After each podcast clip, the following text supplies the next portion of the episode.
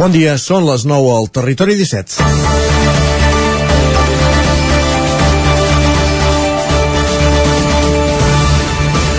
Avui és 25 de novembre, Dia Internacional per l'Eliminació de la Violència envers les Dones.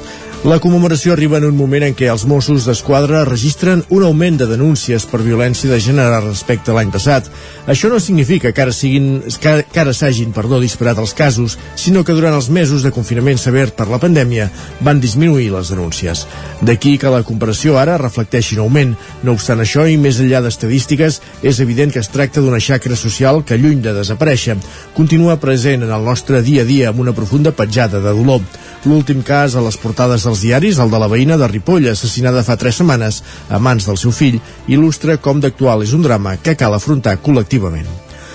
Que s'han fet avenços quan a l'atenció, la Generalitat té actiu un servei permanent al telèfon 900 900 120, és clar, però més enllà de les accions reactives per activar dispositius d'emergència existeix un marc social més ampli en què es produeixen múltiples situacions de violència contra les dones que requereixen un abordatge diferent les societats canvien, però enderrocar els pilars masclistes i patriarcals sobre els quals s'han sustentat obliga a no baixar la guàrdia perquè més enllà del 25N serveixi per prendre consciència del problema. Cal tenir present que la feina per resoldre'l s'ha de fer cada dia. Les administracions, i és de justícia reconeixo, han dedicat esforços per col·laborar per elaborar protocols i donar respostes a violències que es produeixen en molts contextos, com les sexuals en els espais d'oci o les quotidianes que les noies pateixen només pel fet de ser-ho i que socialment encara costa que es reconeguin perquè estan naturalitzades.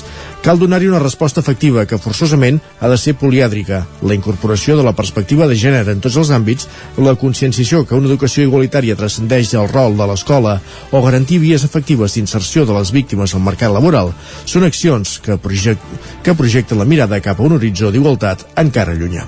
Queda feina per fer, Benvinguts al Territori 17, a la sintonia de Ràdio Cardedeu, Ona Codinenca, la veu de Sant Joan, Ràdio Vic, el 9 FM i el 9 TV. Territori 17, amb Isaac Moreno i Jordi Sunyer.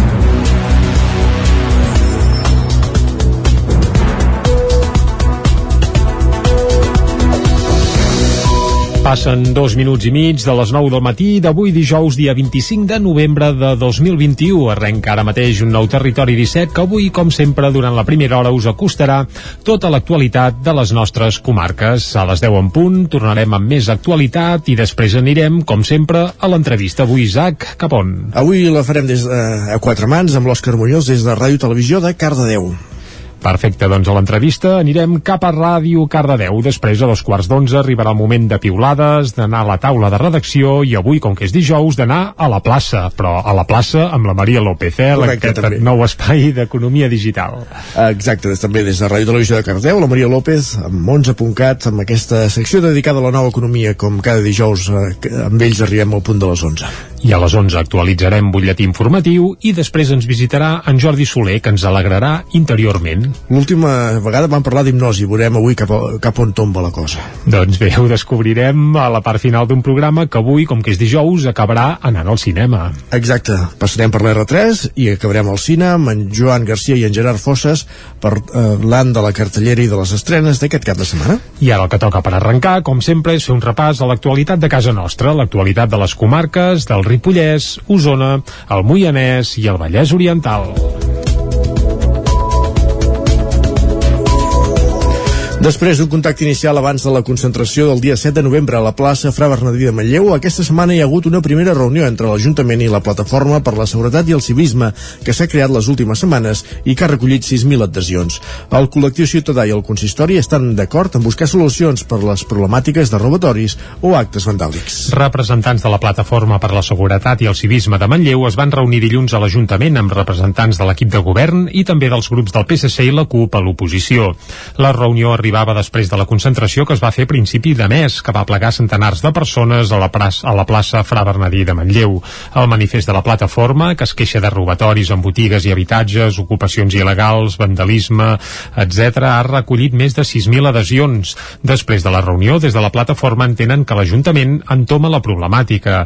Escoltem per aquest ordre Ramon Soldavila, de la Plataforma per la Seguretat i el Civisme de Manlleu, i Àlex Garrido, l'alcalde de Manlleu jo crec que és el, els, els que hi entenen els, i els que, els que tenen el poder dins del poble els que han de fer el que faci falta per, per erradicar aquesta, aquesta, aquesta espècie de, de violència que hi havia últimament i d'inseguretat que hi havia aquí a Manlleu.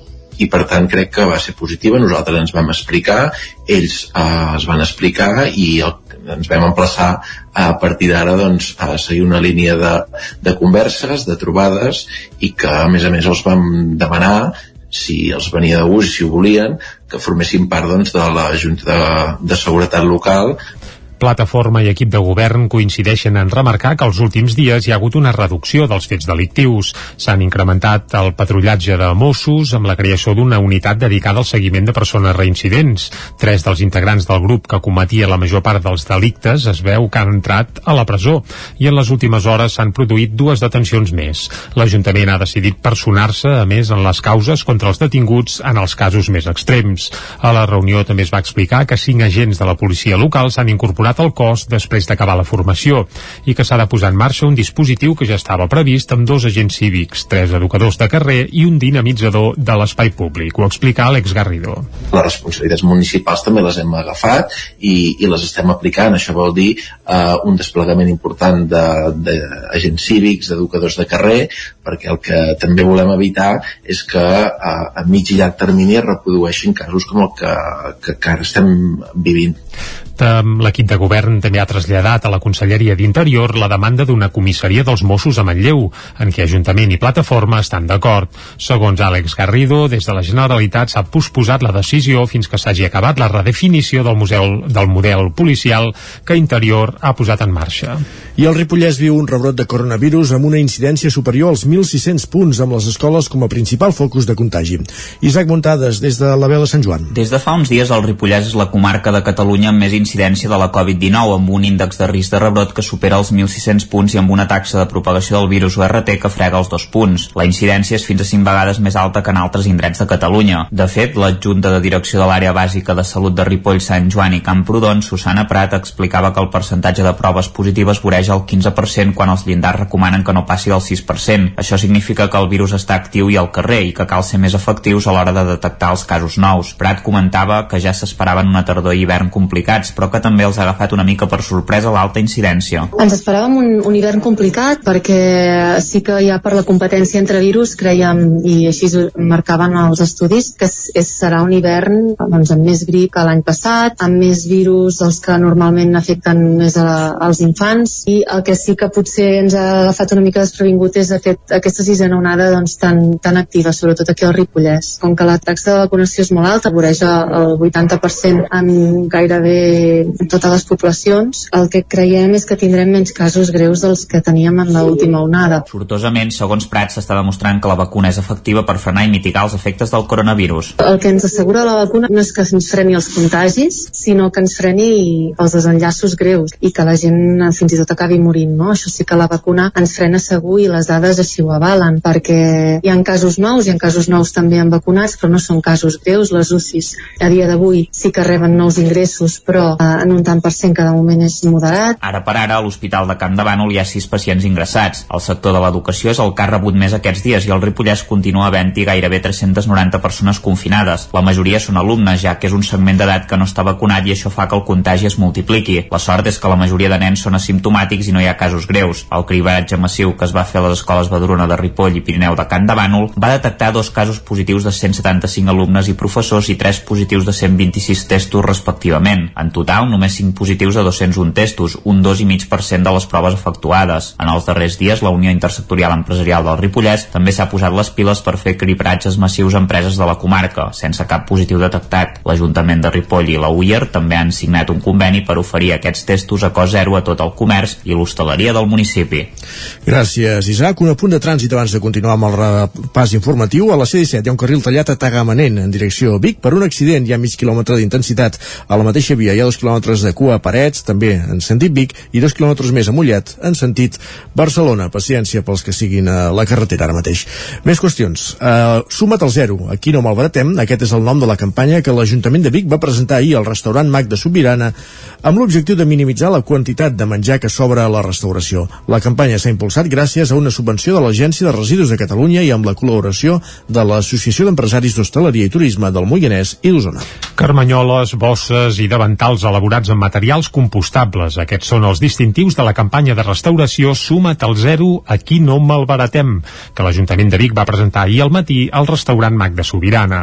L'objectiu és minimitzar al màxim la quantitat de menjar que sobra a la restauració. Ho explica el regidor de Medi Ambient de l'Ajuntament de Vic, Albert Castells. De pensar que generem a la ciutat de Vic eh, més de 3.000 tonelades, prop de 3.500 tonelades a l'any de residus orgànics i d'aquests residus n'hi ha una gran quantitat o una quantitat significativa que està considerada malbertament.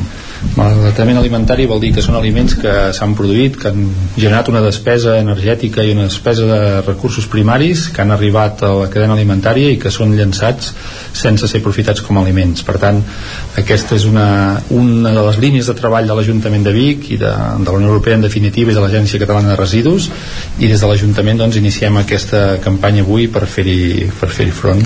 La campanya que l'Ajuntament ha dissenyat conjuntament amb l'Associació d'Empresaris d'Hostaleria i Turisme del Moianès i d'Osona i gràcies a una subvenció de l'Agència de Residus de Catalunya es va presentar en el marc de la Setmana Europea de la Prevenció de Residus i a més es va presentar al restaurant Mac de Sobirana de Vic, que ha estat un dels primers en adherir-s'hi.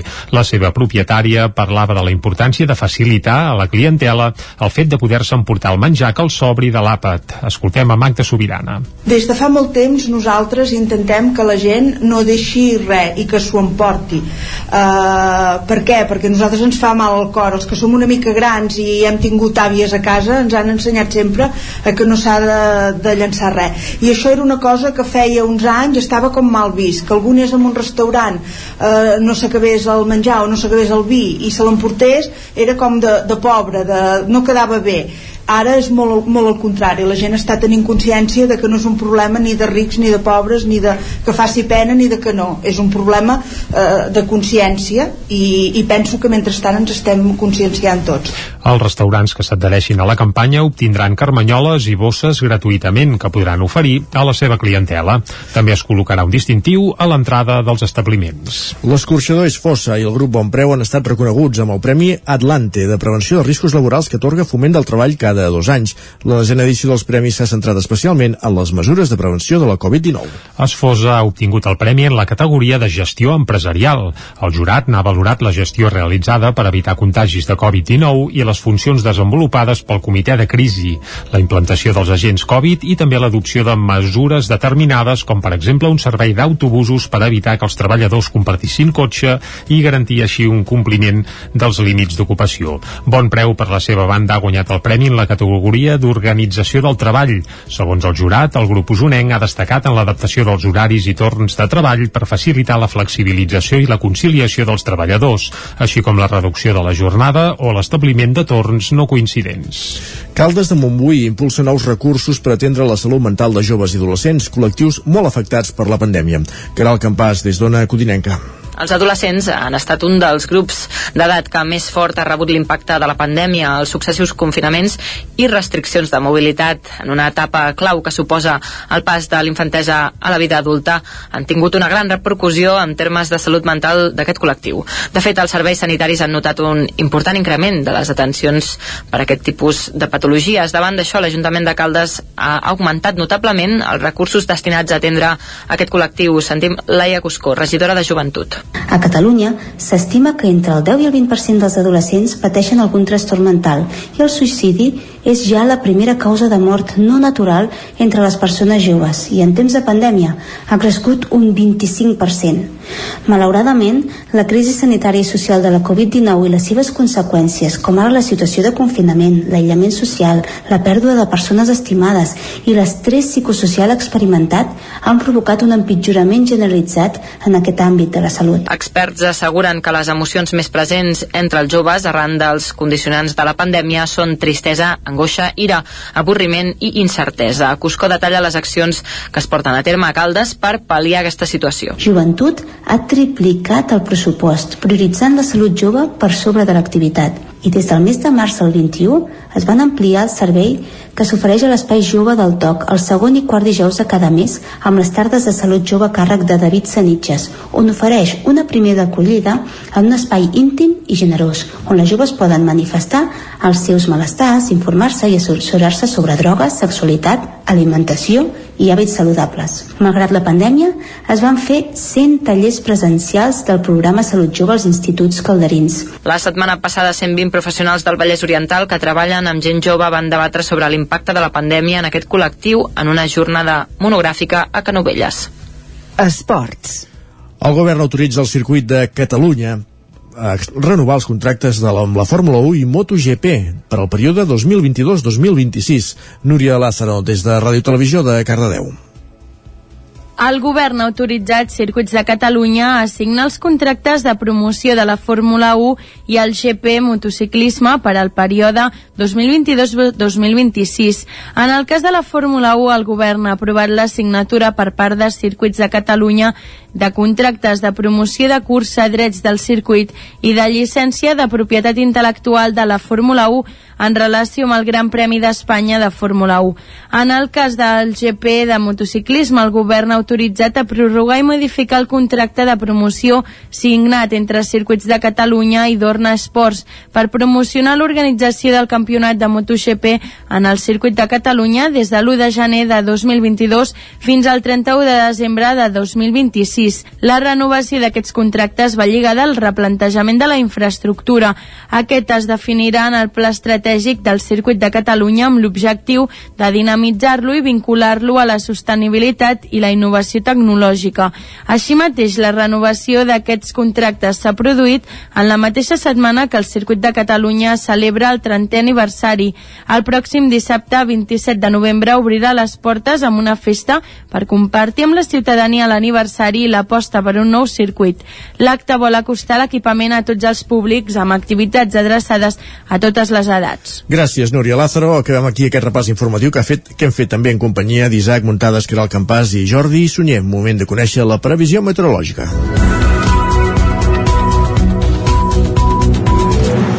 I per explicar-nos-la, arriba una llevantada provinent de Sant Feliu de Codines de nom Pep Acosta.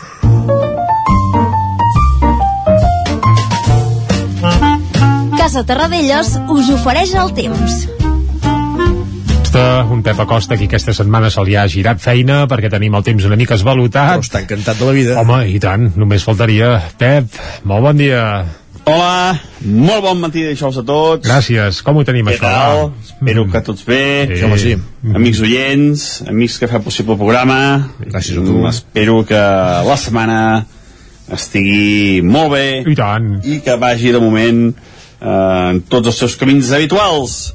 Ja és això, ja. Ahir va tornar a ploure, eh, no ho va fer molt cap a l'interior, al Pirineu sí que déu nhi més de 30 litres cap a Baiter, cap a Núria, una nevada important, eh, tenim més de 50 centímetres a les cotes més altes de, de Baiter, eh, que a Bastiments, Puigmals, unes pròximes 50-60 centímetres de nevada molt, molt destacada en aquesta zona i que és una autèntica un, au- un autèntic regal d'aquests dies que aquesta precipitació uh, demà farem balanç tot plegat ja que ja haurà passat aquesta llevantada mm, però haurà deixat registres de, en el nostre, en el nostre territori a les nostres comarques entre els 30 i els 80 litres eh? Uh, gairebé tot arreu ha pogut més de 30 litres i els llocs on més s'acosten aquests 80-90 litres. Per tant unes notícies excel·lents, excel·lents pel que fa a les precipitacions d'aquests dies. Ens llevem amb més fred. Eh, no està tan tapat a, a la nit. No hi ha hagut tants núvols no està tan tapada. I eh, hi ha glaçades contundents cap al Pirineu mm, mínimes de 8, 9, 10 sota 0 per tant, déu nhi fred que està fent els cims més alts del Pirineu a l'interior entre els 0 i els 5 graus i cap al prelitoral tenim entre els 5 i els 10 graus. Eh, és una nit una mica freda però les pròximes ja aviso baixaran bastant més. I és que ja tenim un canvi de vents la llevantada es va acabant eh, tot i que avui encara tindrem bastants núvols i alguna precipitació sobretot a les primeres hores, que encara hi ha hagut precipitació cap al prelitoral, però es va acabant aquesta entrada vent de llevant i comença a entrar vent de nord. Vent de nord que arranca del, del pol nord, del cercle polar àrtic, i que farà davallar les temperatures, sobre les nocturnes. Les nocturnes baixaran de manera moderada aquest cap de setmana. Però anem a pams, anem a pams, com deia avui ens veiem temperatures eh, fresques, encara una mica tapat, encara una mica de precipitacions, n'hi ha a menys al llarg del dia, eh, no plourà, no serà un dia allò eh, 100% ennuvolat i amb precipitacions, els núvols aniran trencant i sortirà el sol ja a moltes poblacions. Tot i això, no guardeu els paraigües, no guardeu els xubasqueros molt lluny, perquè hi pot haver algun duixat més puntual, eh? no seran pluges ja seguides ni molt menys, algun duixat puntual, de curta durada, i que acumularà quantitats entre 0 i els 10 litres, la majoria de les nostres poblacions. Independentment, l'entrada d'aquesta vent de nord anirà acumulant més núvols cap al Pirineu. Uh, aquests núvols, uh, de moment, no deixaran molta, molta precipitació però sí que, com deia, cap al Pirineu, aquesta entrada nord farà que estigui ben tapat i nevarà una mica. De moment, una mica en aquesta zona, eh? però ja no serà de llevant, serà de vent de nord, vent de nord dur que es començarà a sentir sobretot aquesta nit. Els cims més alts de les muntanyes bufarà ja de manera moderada forta. Repeteixo, eh, que vent de nord, eh, no de llevant, eh, entrarà nord aquesta eh, tarda-nit. Les temperatures màximes quedaran força baixes, la majoria de valors entre els 8 i els 12 graus. Per tant, ens hem d'abrigar, eh, ja toca, eh, ja toca aquesta abrigada, toca abrigar-nos, eh, fa fred, -hmm. i és, més, és molt normal, estem en finals ja de novembre, els dies més curts de l'any gairebé, i per tant el fred ha de ser ben present. Avanço que el cap de setmana està marcat per aquesta antena de nord, amb nevades al Pirineu, i molt de fred, sobretot a les nits. Però bueno, ja anirem veient tot plegat com va. El que és segur és això d'avui, eh? Avui encara una mica d'inseguretat en el temps. Molt bé. Alguna precipitació puntual, però ja no, no hi haurà eh, pluja seguida hores, ni molt menys. Una mica de clarianes i força fresca. I atenció, perquè entra el vent de nord aquesta tarda nit. Moltes gràcies, adeu. Estarem al cas que no se'ns endugui. Exacte, anirem amb pedres a les butxaques uh, i anirem cap al quiosc, amb pedres sí. o sense. Va, anem -hi. Casa Tarradellas us ha ofert aquest espai. Anem a conèixer què diuen avui les portades als diaris. I comencem, com sempre, pel punt avui. El titular principal crida a desobeir i, evidentment, fan referència a la famosa sentència del Tribunal Suprem que obliga a que el 25% del que s'imparteix a les escoles sigui en castellà. Pedagogs i sociòlegs troben grotesc que s'ataqui un, meta, un mètode d'aprenentatge. El PP i Ciutadans s'afanyen a oferir-se al PSOE per si cal aplicar un 155 educatiu. Això Déu, titula el punt avui. També a la fotografia 5 5 anys sense Fidel Castro. Uh, avui, concretament, bé, avui crec que d'aquí un parell d'hores farà 5 anys exactes que Raúl Castro va anunciar la mort del seu germà. Uh, i, I expliquen, des del punt avui, mínima obertura de Cuba al sector privat i a nous drets socials. És a dir, que aquests 5 anys no han servit per avançar gaire en aquest sentit. Uh, deixem el punt avui i anem a l'ara, on han fet una portada d'aquelles que fan de tant en tant, monogràfica, es titula Immersió, però ja ha passat un esborrador d'aquells d'abans de les escoles amb guix sí. i diguem que es pot llegir que posa immersió, però la meitat de les lletres han volat. I sí, hi ha un subtítol correcte, davant l'estocada del Suprem a la immersió i la petició del PP d'un 155 educatiu, analitzem la realitat de l'escola catalana i la situació jurídica en què queda. Això expliquen a la portada de l'Ara, on hi ha això, aquest muntatge que la veritat és que fa goig i està, està ben trobat. Molt bé. No hi ha res més, eh? Monogràfica a la portada de l'Ara. Anem a l'avantguàrdia. Alemanya obre una nova era amb un govern marcadament ecologista. Ahir es va anunciar que el socialdemòcrata Olaf Scholz, ja aprendrem a dir el cognom bé, eh, suposo, sí, properament, sí. succeirà Angela Merkel com a canceller després de tancar un acord amb verds i liberals. Pensa que vam aprendre a dir Reder, eh? Imagina't. Que aquell era també complicat de... Uh, sí, exacte. Doncs bé, el titular principal de l'avantguàrdia és per Alemanya, però la fotografia és pels llums de Nadal de Barcelona. Diu que n'hi haurà en més de 100 quilòmetres quilòmetres de carrers.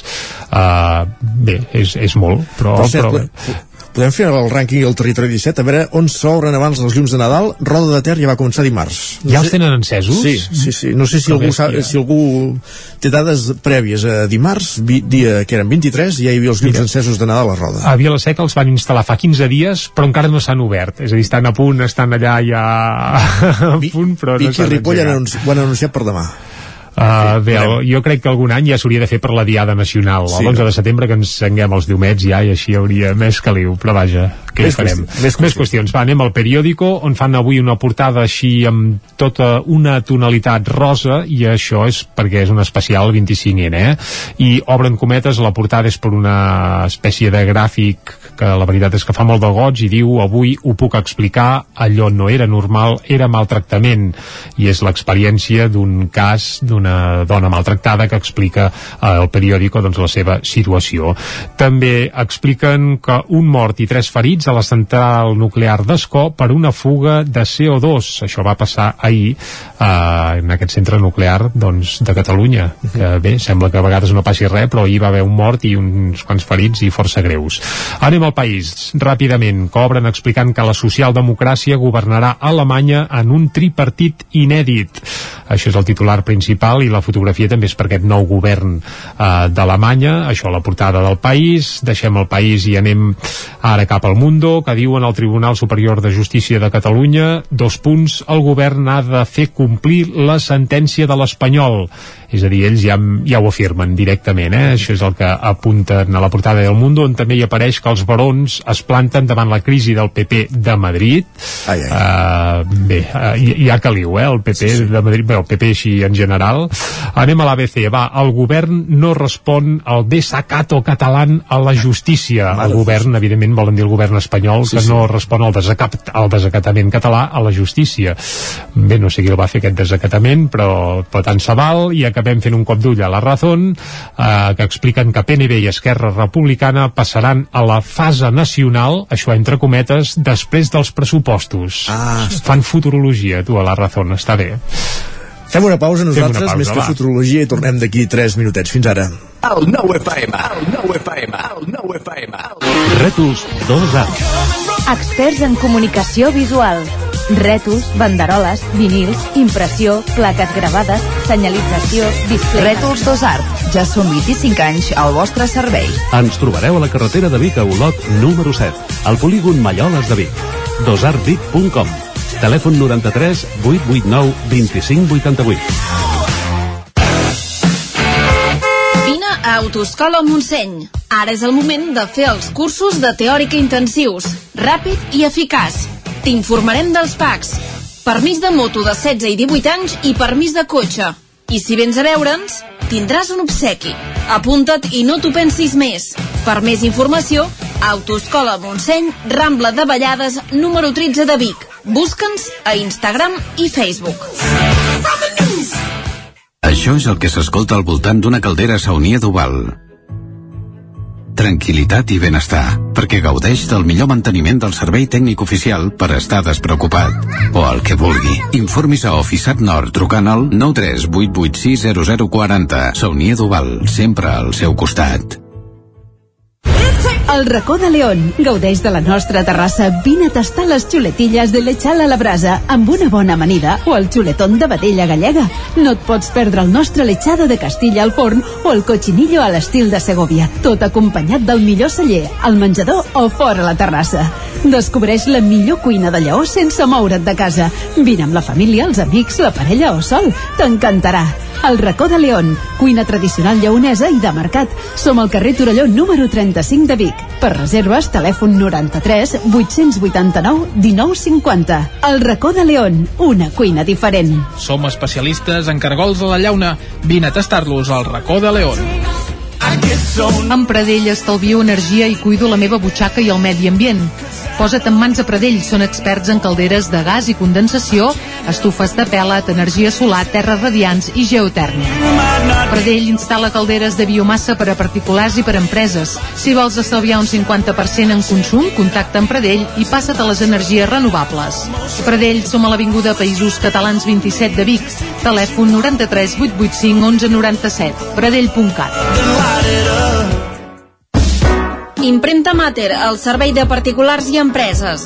Fem catàlegs, llibres, papereria corporativa, targetes, fulletons i també venem material d'oficina i escriptori, bolígrafs, arxivadors, grapadores, llibretes i molt més. Mater Impressors des de 1957. Impremta Mater. Ens trobaràs a la carretera de Sant Hipòlit, número 23 de Vic i a la impremtamater.com. El nou FM, el nou FM, el nou... En punt ara mateix, dos quarts de deu al Territori 17. Territori 17, amb Isaac Moreno i Jordi Sunyer.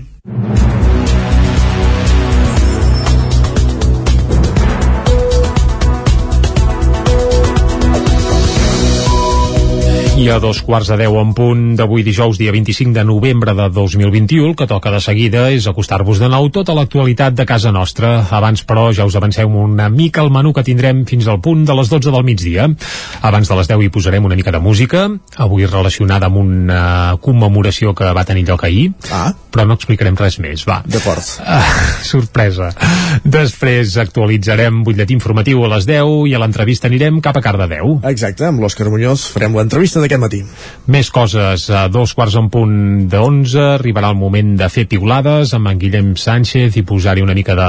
bé, d'humor també, perquè no, aquí a Territori 17, després passarem per la taula de redacció i anirem de nou a Cardedeu, oi, Isaac? Correcte, a la plaça, aquest espai de nova economia que cada setmana ens porta la Maria López i 11.cat. I d'11 a 12 també tenim feina.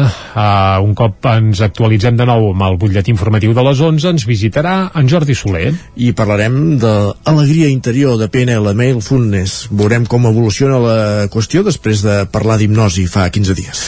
I després, a la darrera mitja hora, anirem amb tren, com cada dia, a la Trenc d'Alba i acabarem anant al cinema. Amb en Gerard Fosses i en Joan Garcia per conèixer les estrenes del cap de setmana. I ara el que toca, com sempre, és actualitzar-nos de nou i acostar-vos l'actualitat de casa nostra, de casa vostra, l'actualitat de les comarques del Ripollès, Osona, el Moianès i el Vallès Oriental. Després d'un contacte inicial abans de la concentració del dia 7 de novembre a la plaça Fra Bernadí de Manlleu, aquesta setmana hi ha hagut una primera reunió entre l'Ajuntament i la Plataforma per la Seguretat i el Civisme que s'ha creat les últimes setmanes i que ha recollit 6.000 adhesions. El col·lectiu ciutadà i el consistori estan d'acord en buscar solucions per les problemàtiques de robatoris o actes vandàlics. Representants de la Plataforma per la Seguretat i el Civisme de Manlleu es van reunir dilluns a l'Ajuntament amb representants de l'equip de govern i també dels grups del PSC i la CUP a l'oposició. La reunió arribava després de la concentració que es va fer a principi de mes, que va plegar centenars de persones a la, plaça, a la plaça Fra Bernadí de Manlleu. El manifest de la plataforma, que es queixa de robatoris en botigues i habitatges, ocupacions il·legals, vandalisme, etc., ha recollit més de 6.000 adhesions. Després de la reunió, des de la plataforma entenen que l'Ajuntament entoma la problemàtica. Escoltem per aquest ordre Ramon Soldavila, de la Plataforma per la Seguretat i el Civisme de Manlleu, i Àlex Garrido, l'alcalde de Manlleu jo crec que és el, els, els que hi entenen els, i els que, els que tenen el poder dins del poble els que han de fer el que faci falta per, per erradicar aquesta, aquesta, aquesta espècie de, de violència que hi havia últimament i d'inseguretat que hi havia aquí a Manlleu. I per tant crec que va ser positiva. Nosaltres ens vam explicar, ells eh, es van explicar i el, ens vam emplaçar a partir d'ara doncs, a seguir una línia de, de converses, de trobades i que a més a més els vam demanar si els venia de gust si ho volien que formessin part doncs, de la Junta de, de Seguretat Local Plataforma i equip de govern coincideixen en remarcar que els últims dies hi ha hagut una reducció dels fets delictius. S'han incrementat el patrullatge de Mossos amb la creació d'una unitat dedicada al seguiment de persones reincidents. Tres dels integrants del grup que cometia la major part dels delictes es veu que han entrat a la presó i en les últimes hores s'han produït dues detencions més. L'Ajuntament ha decidit personar-se, a més, en les causes contra els detinguts en els casos més extrems. A la reunió també es va explicar que cinc agents de la policia local s'han incorporat estimat el cost després d'acabar la formació i que s'ha de posar en marxa un dispositiu que ja estava previst amb dos agents cívics, tres educadors de carrer i un dinamitzador de l'espai públic. Ho explica Àlex Garrido.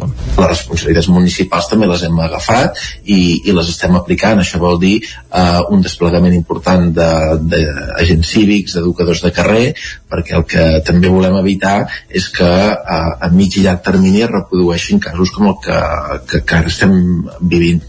L'equip de govern també ha traslladat a la Conselleria d'Interior la demanda d'una comissaria dels Mossos a Manlleu, en què Ajuntament i Plataforma estan d'acord. Segons Àlex Garrido, des de la Generalitat s'ha posposat la decisió fins que s'hagi acabat la redefinició del, museu, del model policial que Interior ha posat en marxa. I el Ripollès viu un rebrot de coronavirus amb una incidència superior als 1.600 punts amb les escoles com a principal focus de contagi.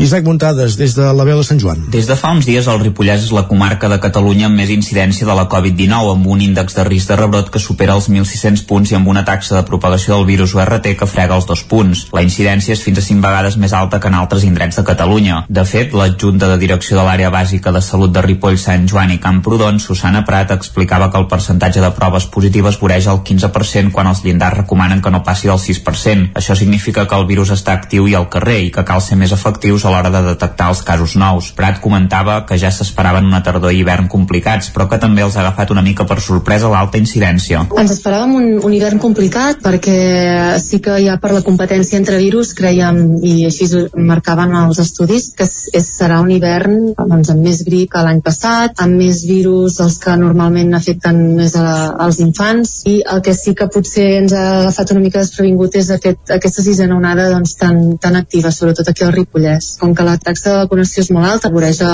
el 80% en gairebé totes les poblacions, el que creiem és que tindrem menys casos greus dels que teníem en l'última onada. Sortosament, segons Prats, s'està demostrant que la vacuna és efectiva per frenar i mitigar els efectes del coronavirus. El que ens assegura la vacuna no és que ens freni els contagis, sinó que ens freni els desenllaços greus i que la gent fins i tot acabi morint, no? Això sí que la vacuna ens frena segur i les dades així ho avalen, perquè hi ha casos nous, hi ha casos nous també han vacunats, però no són casos greus, les UCIs a dia d'avui sí que reben nous ingressos, però eh, en un tant per cent que de moment és moderat. Ara per ara, a l'Hospital de Camp de Bànol hi ha sis pacients ingressats. El sector de l'educació és el que ha rebut més aquests dies i el Ripollès continua havent-hi gairebé 390 persones confinades. La majoria són alumnes, ja que és un segment d'edat que no està vacunat i això fa que el contagi es multipliqui. La sort és que la majoria de nens són asimptomàtics i no hi ha casos greus. El cribatge massiu que es va fer a les escoles Badruna de Ripoll i Pirineu de Camp de Bànol va detectar dos casos positius de 175 alumnes i professors i tres positius de 126 testos respectivament.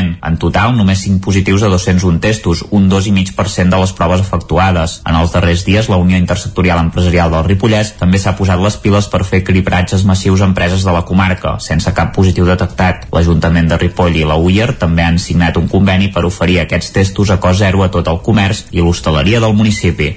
Gràcies, Isaac. Un apunt de trànsit abans de continuar amb el repàs informatiu. A la C-17 hi ha un carril tallat a Tagamanent en direcció a Vic per un accident. Hi ha mig quilòmetre d'intensitat.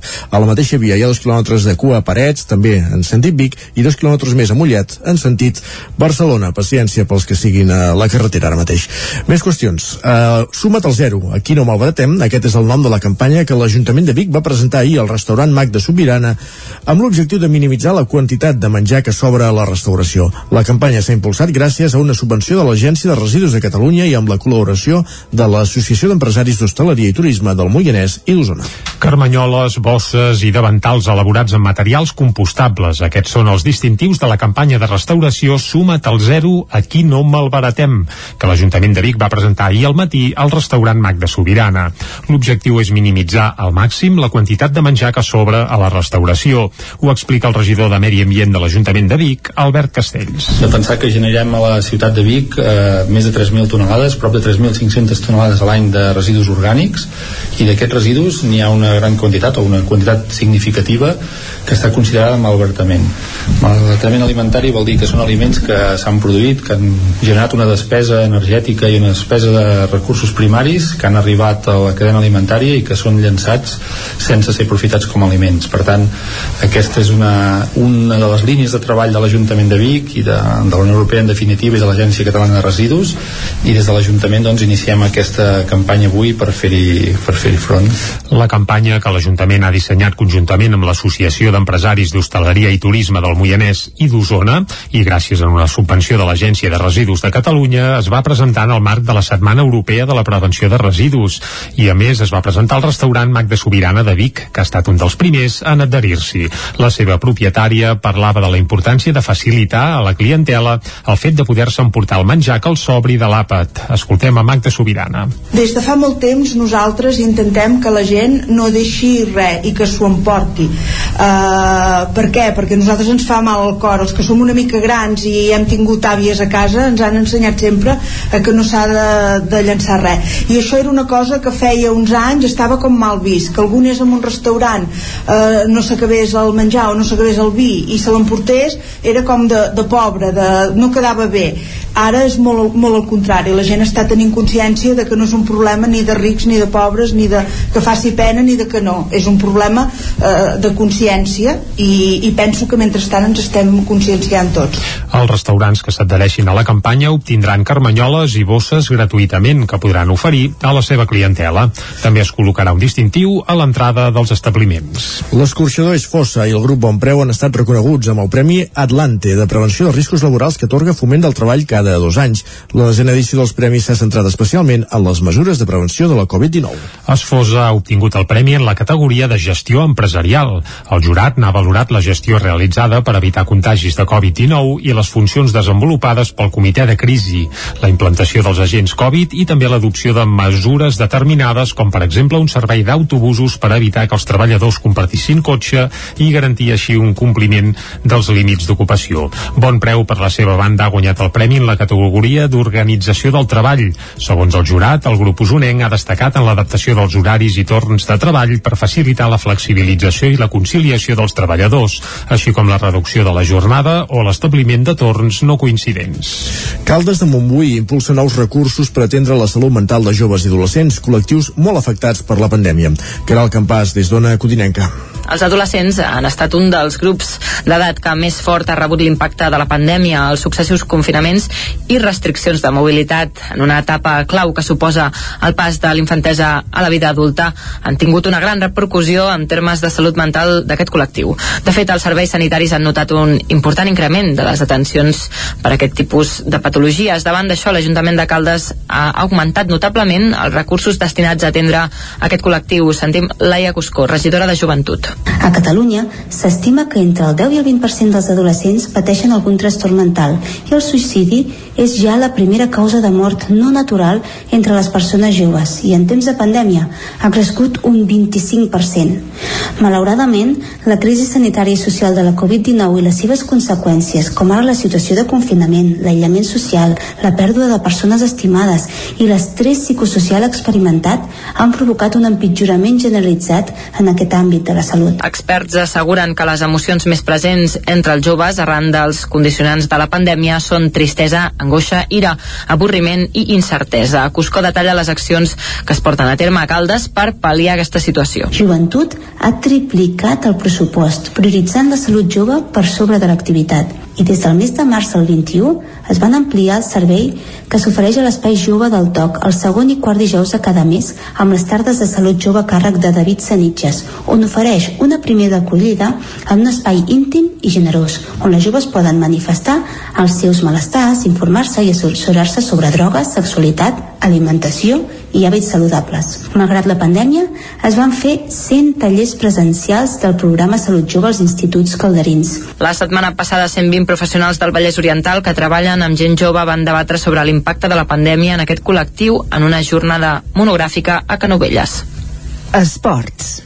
El govern autoritza el circuit de Catalunya a renovar els contractes de la, amb la Fórmula 1 i MotoGP per al període 2022-2026. Núria Lázaro, des de Ràdio Televisió de Cardedeu. El govern ha autoritzat Circuits de Catalunya a signar els contractes de promoció de la Fórmula 1 i el GP motociclisme per al període 2022-2026. En el cas de la Fórmula 1, el govern ha aprovat la signatura per part de Circuits de Catalunya de contractes de promoció de cursa, drets del circuit i de llicència de propietat intel·lectual de la Fórmula 1 en relació amb el Gran Premi d'Espanya de Fórmula 1. En el cas del GP de motociclisme, el govern ha autoritzat a prorrogar i modificar el contracte de promoció signat entre Circuits de Catalunya i Dorna Esports per promocionar l'organització del campionat de MotoGP en el Circuit de Catalunya des de l'1 de gener de 2022 fins al 31 de desembre de 2026. La renovació d'aquests contractes va lligada al replantejament de la infraestructura. Aquest es definirà en el pla estratègic del Circuit de Catalunya amb l'objectiu de dinamitzar-lo i vincular-lo a la sostenibilitat i la innovació tecnològica. Així mateix, la renovació d'aquests contractes s'ha produït en la mateixa setmana que el Circuit de Catalunya celebra el 30è aniversari. El pròxim dissabte 27 de novembre obrirà les portes amb una festa per compartir amb la ciutadania l'aniversari i l'aposta per un nou circuit. L'acte vol acostar l'equipament a tots els públics amb activitats adreçades a totes les edats. Gràcies, Núria Lázaro. Acabem aquí aquest repàs informatiu que, ha fet, que hem fet també en companyia d'Isaac Muntades, Caral Campàs i Jordi Sunyer. Moment de conèixer la previsió meteorològica.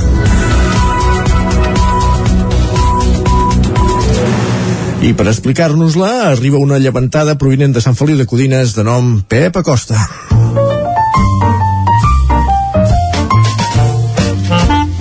Casa Terradellos us ofereix el temps. Un Pep Acosta, qui aquesta setmana se li ha girat feina perquè tenim el temps una mica esvalutat. Però està encantat de la vida. Home, i tant, només faltaria. Pep, molt bon dia. Hola, molt bon matí de a tots. Gràcies, com ho tenim Què això? tal? Espero que tots bé. Sí. Home, sí.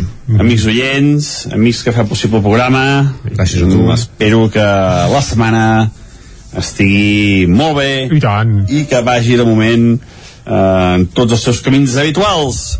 Ja és això, ja. Ahir va tornar a ploure, eh, no ho va fer molt cap a l'interior, al Pirineu sí que déu nhi més de 30 litres cap a Baiter, cap a Núria, una nevada important, eh, tenim més de 50 centímetres a les cotes més altes de, de Baiter, eh, que a Bastiments, Puigmals, unes pròximes 50-60 centímetres de nevada molt, molt destacada en aquesta zona i que és una autèntica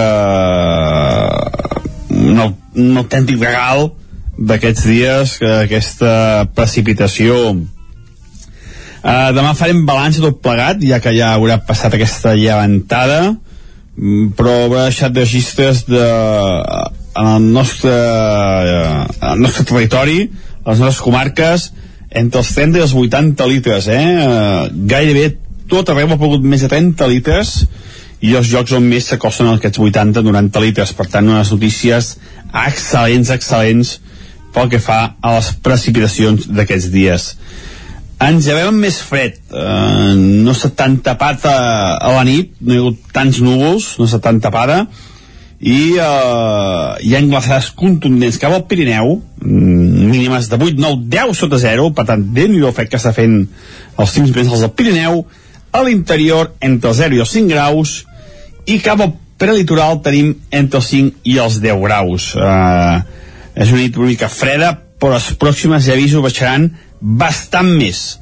I és que ja tenim un canvi de vents la llevantada es va acabant eh, tot i que avui encara tindrem bastants núvols i alguna precipitació sobretot a les primeres hores que encara hi ha alguna precipitació cap al prelitoral però es va acabant de vent de llevant i comença a entrar vent de nord. Eh, vent de nord que arran- arranca del, del pol nord del cercle polar àrtic i que farà davallar les temperatures sobretot les nocturnes. Les nocturnes baixaran de manera moderada aquest cap de setmana. Però anem a pams, anem a pams. Com deia avui ens veiem temperatures eh, fresques encara una mica tapat, encara una mica de precipitacions. Aniran a menys al llarg del dia. Eh, no plourà, no serà un dia allò eh, 100% ennuvolat i amb precipitacions els núvols aniran trencant i sortirà el sol ja a moltes poblacions. Tot i això no guardeu els paraigües no guardeu els xubasqueros molt lluny perquè hi pot haver algun duixat més puntual eh? no seran pluges ja seguides ni molt menys. Algun duixat puntual de curta durada i que acumularà quantitats entre el 0 i els 10 litres la majoria de les nostres poblacions. Independentment l'entrada d'aquesta vent de nord anirà acumulant més núvols cap al Pirineu uh, aquests núvols uh, de moment no deixaran molta, molta precipitació. Però sí que, com deia, cap al Pirineu, aquesta entrada nord farà que estigui ben tapat i nevarà una mica. De moment, una mica en aquesta zona, eh? però ja no serà de llevant, serà de vent de nord, vent de nord dur que es començarà a sentir sobretot aquesta nit. Els cims més alts de les muntanyes bufarà ja de manera moderada forta. Repeteixo, eh, que vent de nord, eh, no de llevant, eh, entrarà nord aquesta eh, tarda-nit.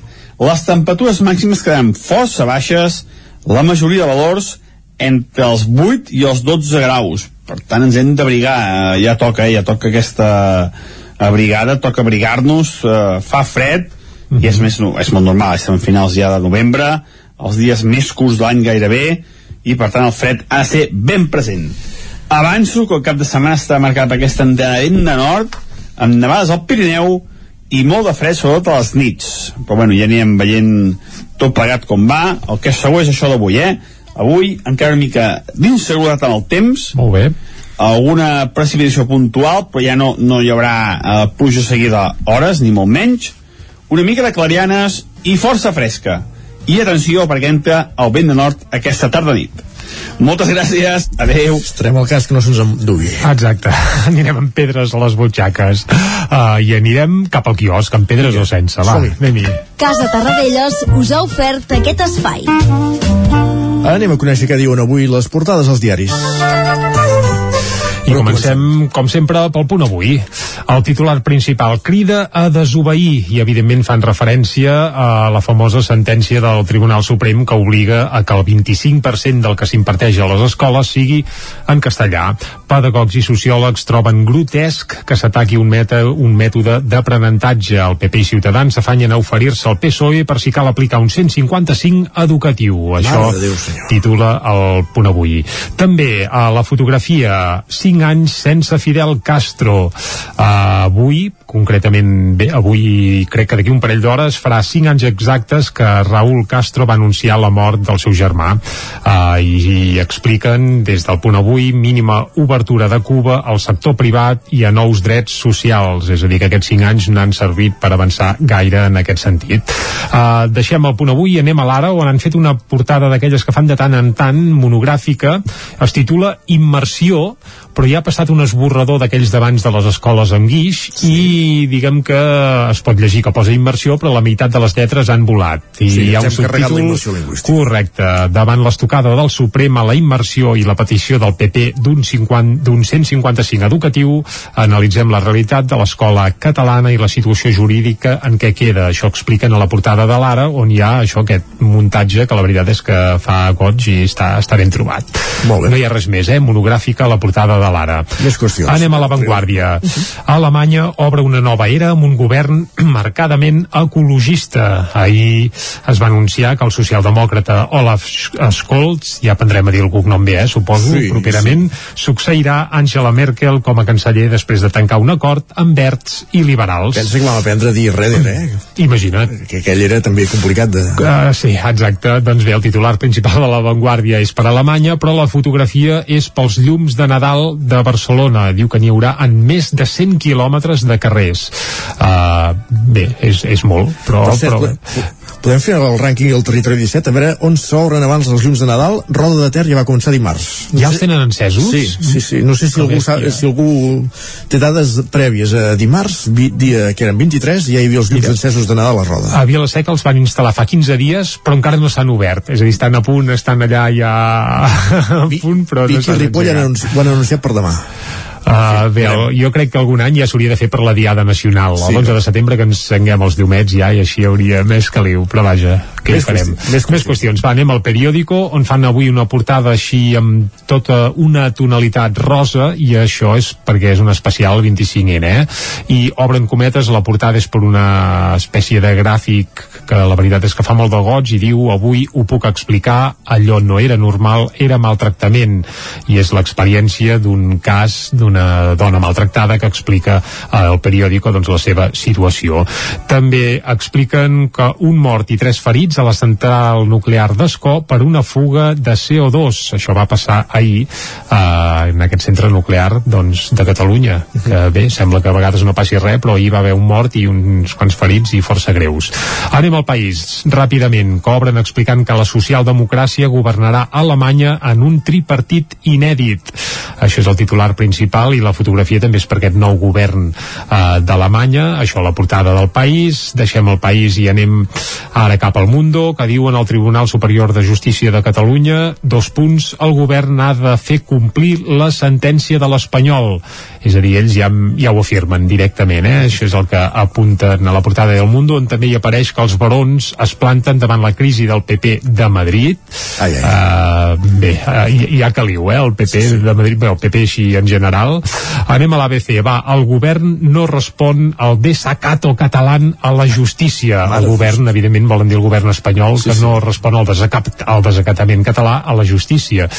Bé, no sé qui el va fer aquest desacatament, però, però tant se val, i acabem fent un cop d'ull a la Razón, eh, que expliquen que PNB i Esquerra Republicana passaran a la fase nacional, això entre cometes, després dels pressupostos. Ah. Fan futurologia, tu, a la Razón, està bé.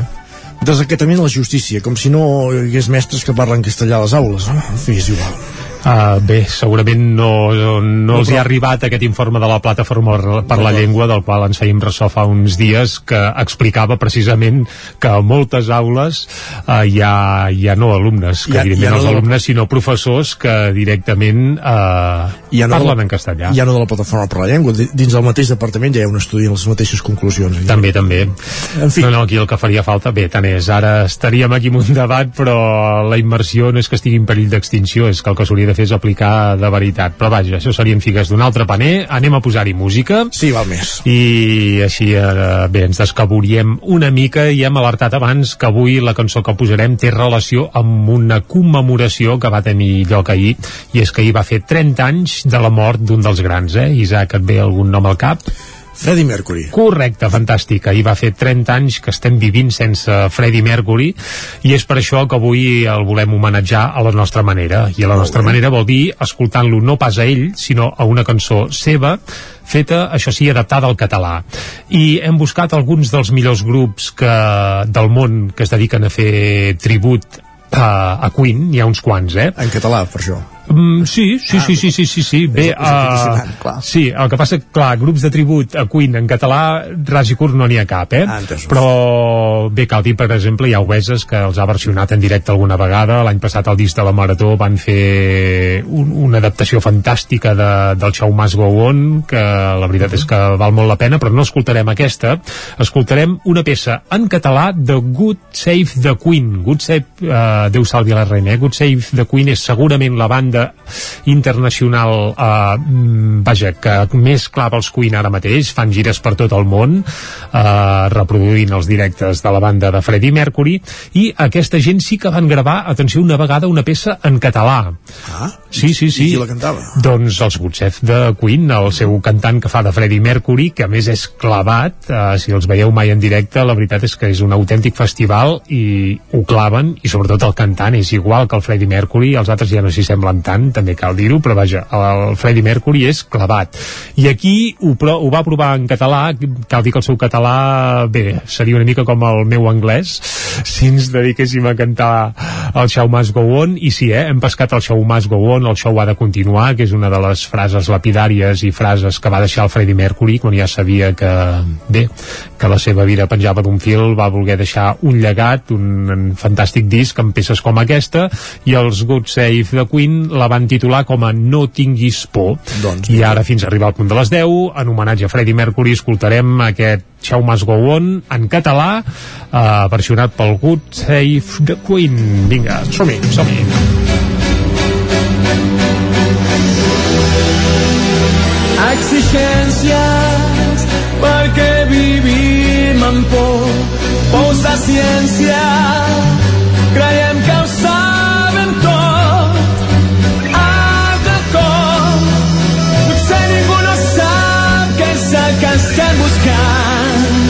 herois que criden un crim esbojarrat tot són mentides tenyides de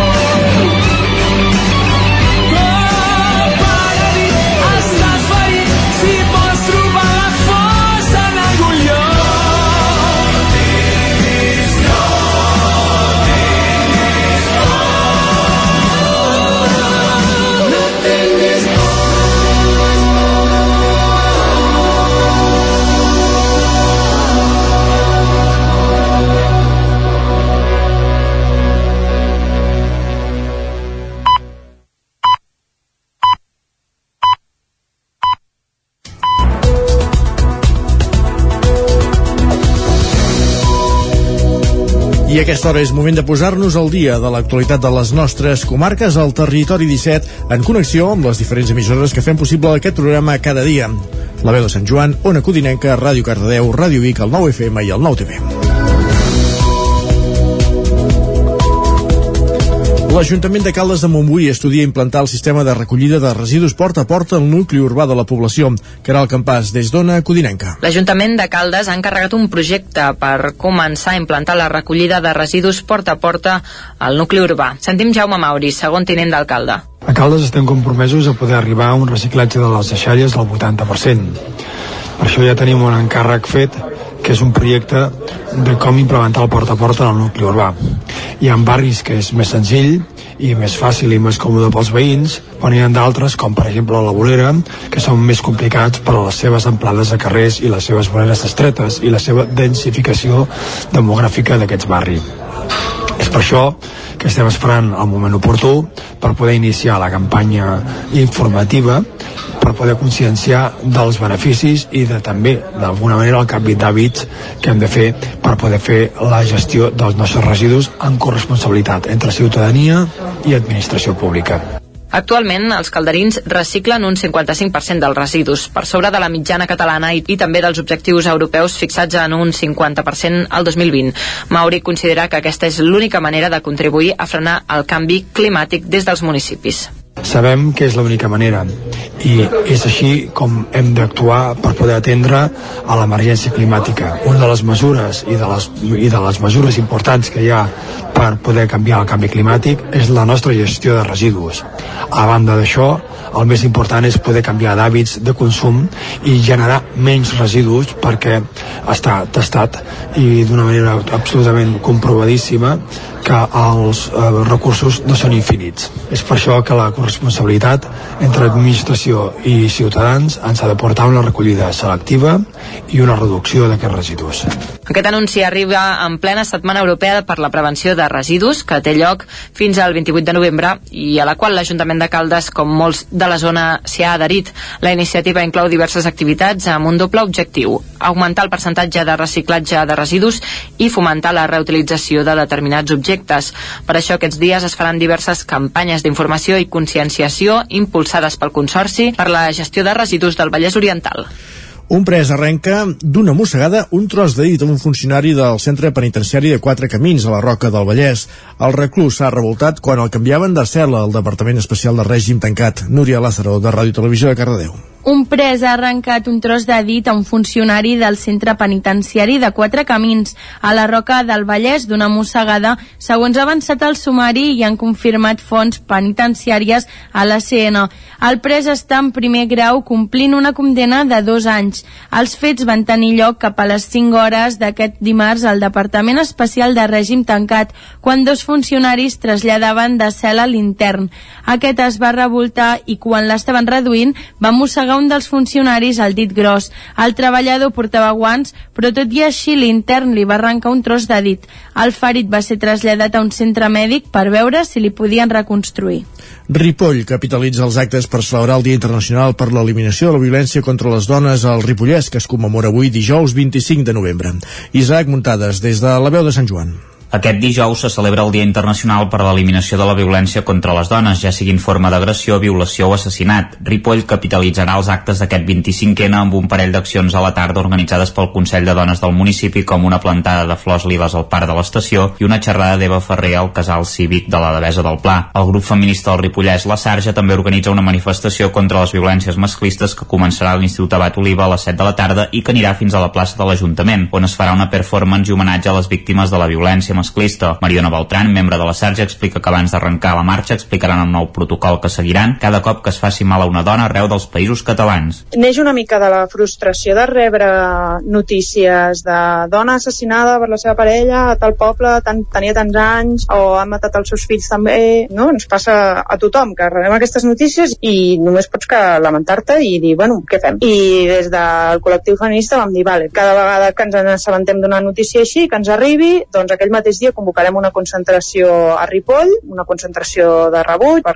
canalitzar la ràbia, per, per visibilitzar que això està passant. Les concentracions es convocaran al vespre i es difondrà a través de xarxes socials i grups de WhatsApp. També a les 7 de la tarda hi haurà un llum lila per l'esperança amb l'actuació de dansa d'Ester Forment i la lectura d'un manifest. A Sant Joan de les Abadesses, l'acte organitzat per l'Associació de Dones consistirà en la lectura d'un manifest i la projecció d'unes imatges del grup fotogràfic Abadeses a davant de les voltes de l'Ajuntament. També hi haurà una encesa d'espelmes. Beltran també comenta que últimament els agressors van un pas més enllà. Últims casos que està sortint i que s'està fent viral a les xarxes és la situació aquesta que una dona va a qualsevol bar, es demana alguna copa i li posen droga a la beguda que ni, ni te n'adones. I llavors aquestes drogues el que fan és que anulen la capacitat de resposta de la persona, de memòria i això és una pràctica lamentablement bastant habitual, moltes dones han sigut violades a partir d'aquí i llavors clar, com que t'anula i no pots donar resposta l'agressor pot fer el que vulgui amb tu i ara estan començant a utilitzar drogues que ni tan sols surten en anàlisis d'orina i de sang. Per tant,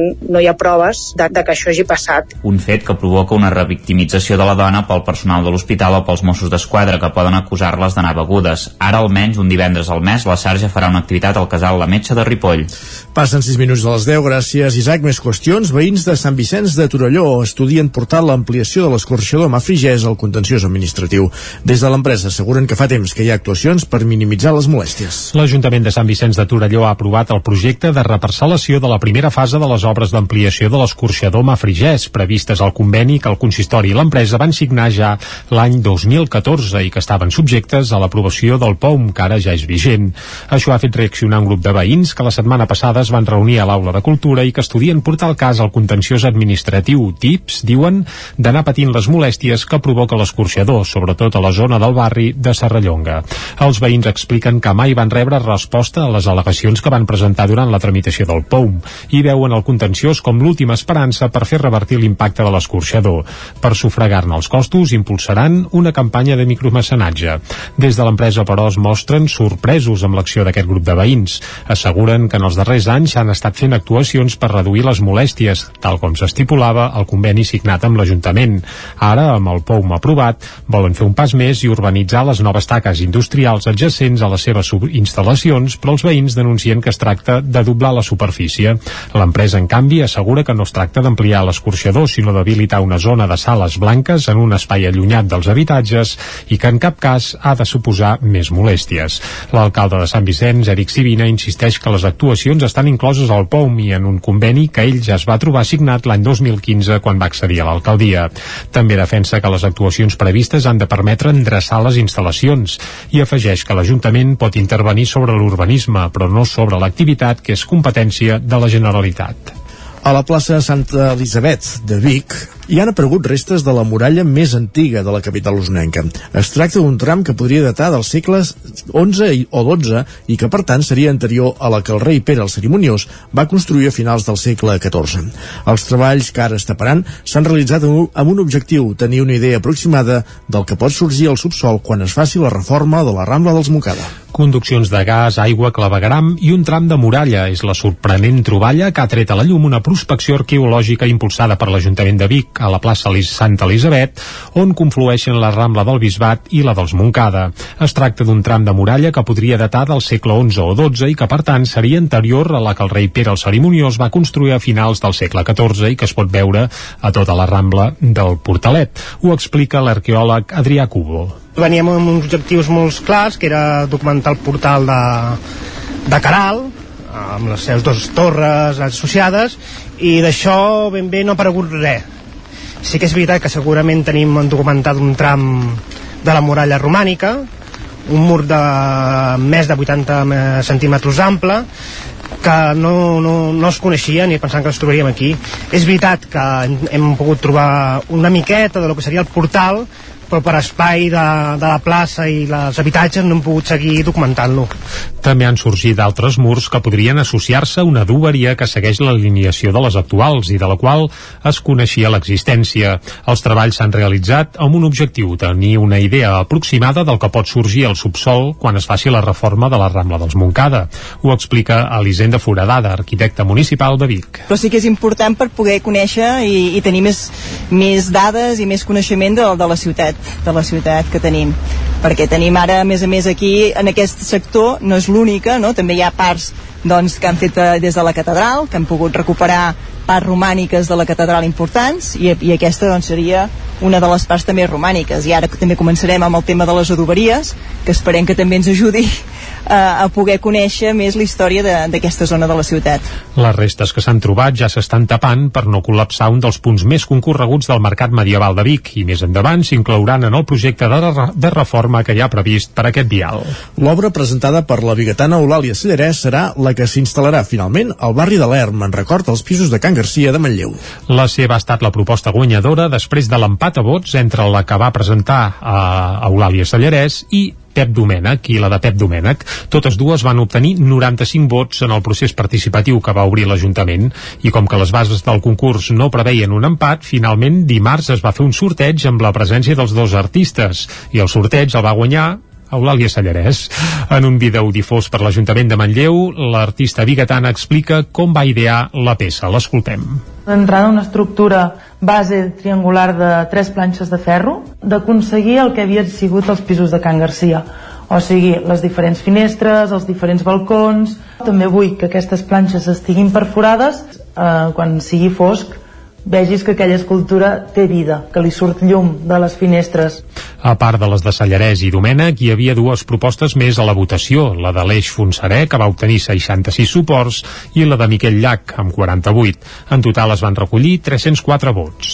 I més qüestions, Centelles preveu tornar a celebrar la festa del Pi amb un protocol actualitzat arran de l'explosió que hi va haver el 2019 i de la Covid. Es mantindran les salves de matí i vespre i els participants hauran de signar una declaració de responsabilitats. L'Ajuntament de Centelles i l'Associació de Galejadors treballen en un protocol actualitzat per la Festa del Pi, que es celebra cada any el 30 de desembre.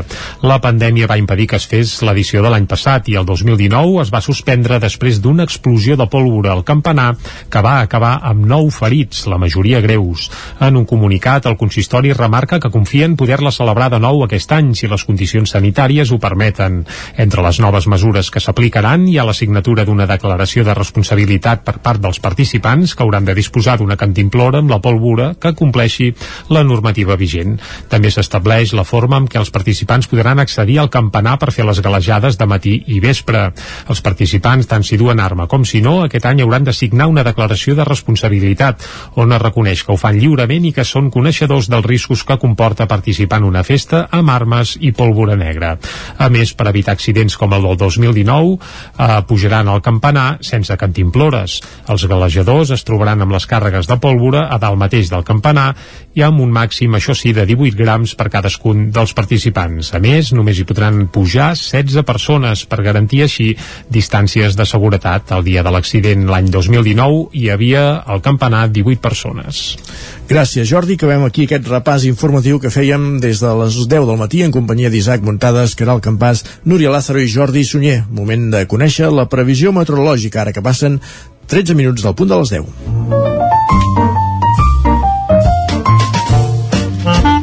Casa Terradellos us ofereix el temps. I el temps ens l'acosta, com sempre, en Pep Acosta. A primera hora del matí ens ha fet una mica de balanç d'aquesta llevantada que encara tenim a sobre, deixant anar les últimes escorrialles. Ara mateix crec que s'escapa alguna gota aquí al cul de la plana de Vic. I de seguida ens explica com ho tenim tant per avui com properament. Val, saludem ara mateix. Pep, bon dia. Hola, molt bon matí d'aixòs a tots. Gràcies, igualment. Com deia, avui ens veiem temperatures eh, fresques, encara una mica tapat, encara una mica de precipitacions n'hi ha a menys al llarg del dia eh, no plourà, no serà un dia allò eh, 100% ennuvolat i amb precipitacions els núvols aniran trencant i sortirà el sol ja a moltes poblacions tot i això, no guardeu els paraigües, no guardeu els xubasqueros molt lluny, uh -huh. perquè hi pot haver algun duixat més puntual, eh? no seran pluges ja seguides ni molt menys, algun duixat puntual, de curta durada, i que acumularà quantitats entre el 0 i els 10 litres, la majoria de les nostres poblacions. Independentment, l'entrada d'aquesta vent de nord anirà acumulant més núvols cap al Pirineu.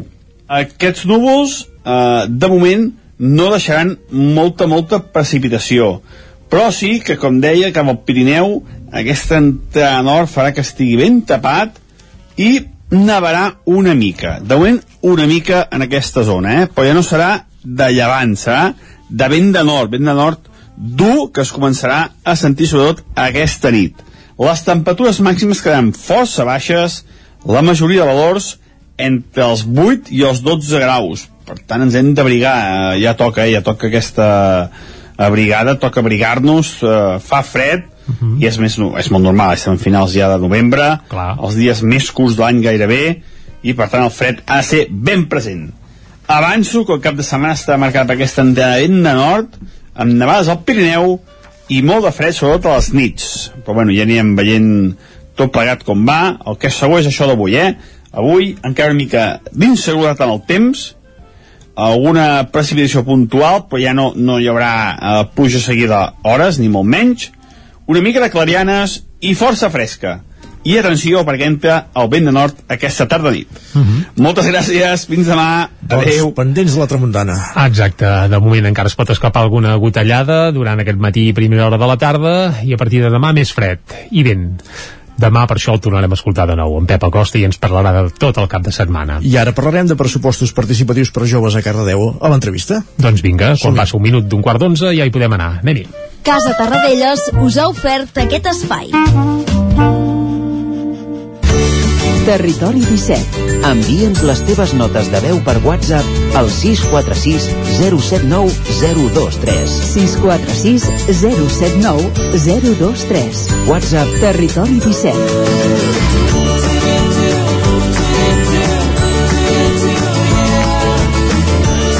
Territori 17. Som a Facebook, Twitter i Instagram amb l'usuari Territori 17.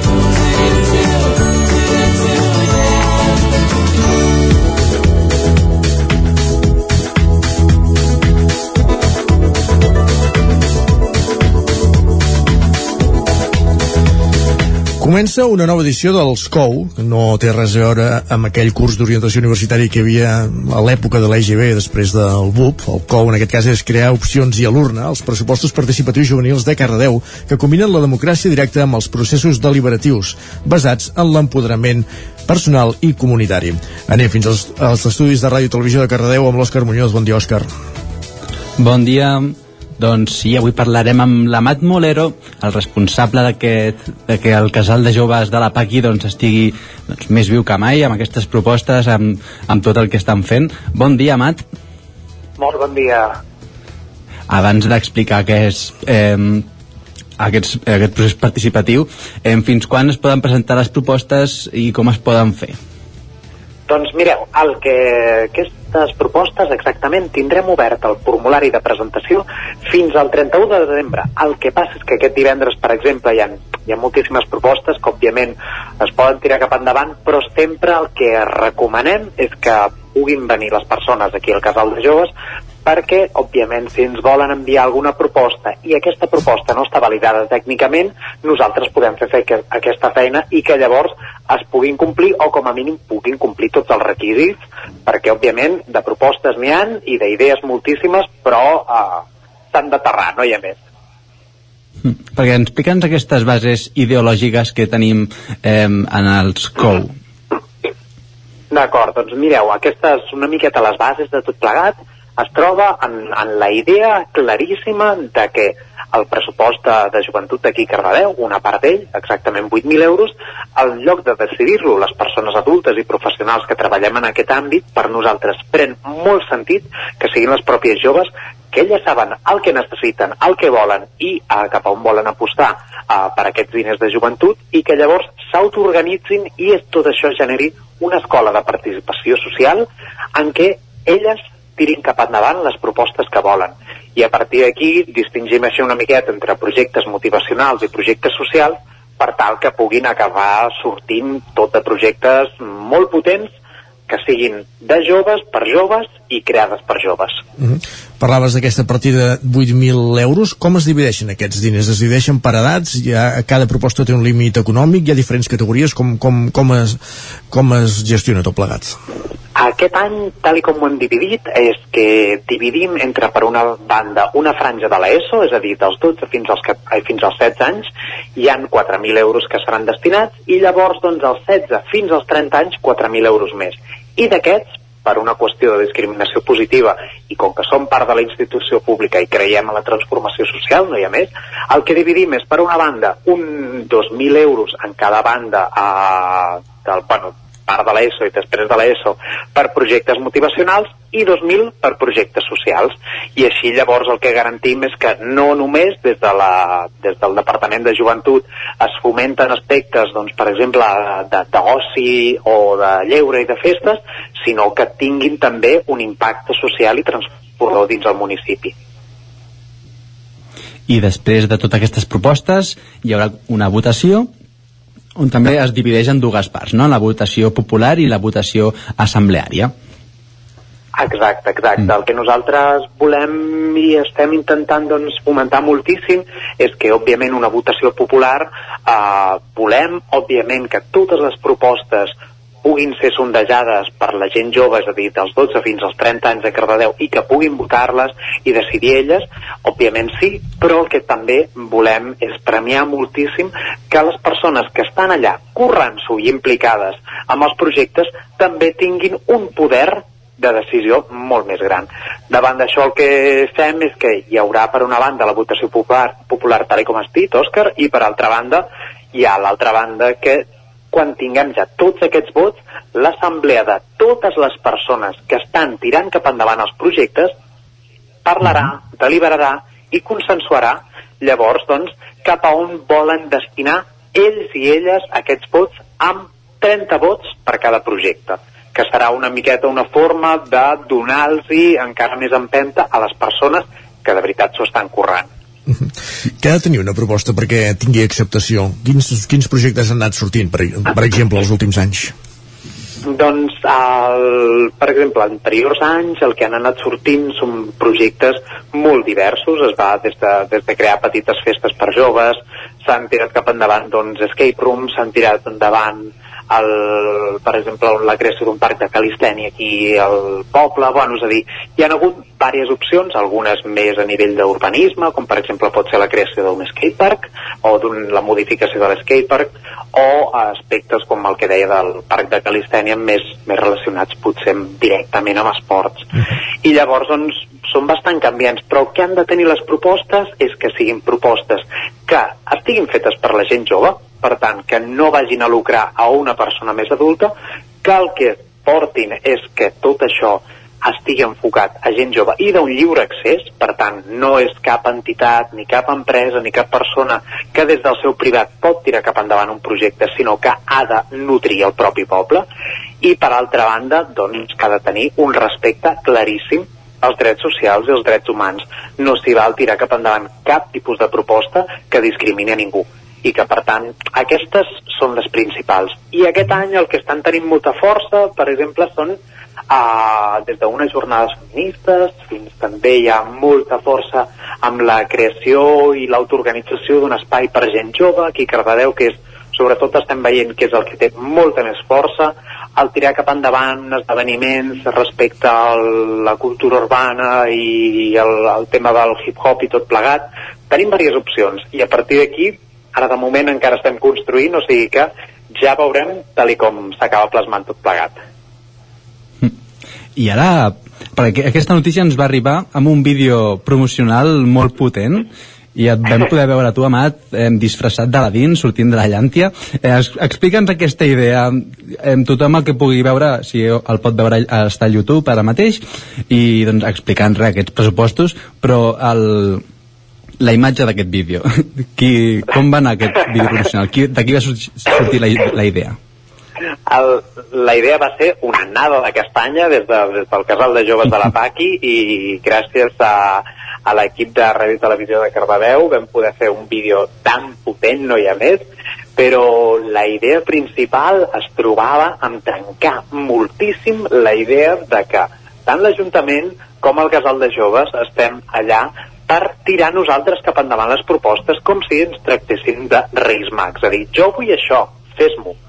I la idea era que sí, jo vestit-me de geni de la llàntia i la Mònica, l'altra companya educadora, doncs vestida de, de, de, de pitonissa, no hi ha més, que volien fer una miqueta de burla a aquestes idees i arquetips de demanar desitjos, que es compleixin les propostes. No, no, no. I la idea del, del vídeo era, tio, si tu vols que es tiri cap endavant una proposta, tu has de currar, perquè si no hi ha feina darrere. I si no hi ha participació, òbviament, nosaltres no mourem res, perquè el que volem és que siguin les pròpies joves que ho tirin endavant. Amat, anem acabant. Re, et demanem en 30 segons, ja sé que la pregunta necessita una mica més de resposta, però sí que et demanem brevetat. Com d'importants són aquestes propostes per als joves del casal? Uà, doncs uh, jo crec que la importància es troba en que totes les propostes rauen en les seves necessitats siguin personals, siguin socials i siguin tretes d'una motivació o d'un malestar que ha de canviar alguna cosa. I només per aquest fet i perquè les pròpies joves estiguin expressant les seves necessitats ja són superimportants i no m'allargo més. Molt bé, moltes gràcies. Amat Molero, des del casal de joves de la PAC i de Cardedeu, moltes gràcies per ser avui al Territori 17 a parlar-nos d'aquest projecte de pressupostos participatiu per a joves eh, i detallar-nos doncs, la, la iniciativa. Gràcies per ser avui amb nosaltres i fins aviat. Moltes gràcies, eh? bon dia. Bon dia. I gràcies també, Òscar, per compartir aquesta entrevista quatre mans des dels estudis de Ràdio i Televisió de Cardedeu. Parlem en un altre moment. Fins ara. Fins ara. I ara mateix falten 3 minutets llargs perquè siguin dos quarts de doncs, al territori 17 ja ho sabeu, ara fem una petita pausa per la publicitat com cada dia i tornarem, tornarem de seguida amb més qüestions, amb les piolades, amb la taula de redacció avui amb Guillem Freixa parlant-nos del ple de Centelles i Guillem Rico parlant-nos d'aquest conflictiu semàfor del carrer Sant Bartomeu de, de Torelló on en pocs dies de posar-se en funcionament de començar a multar, doncs s'han disparat les sancions en, a, en aquest punt.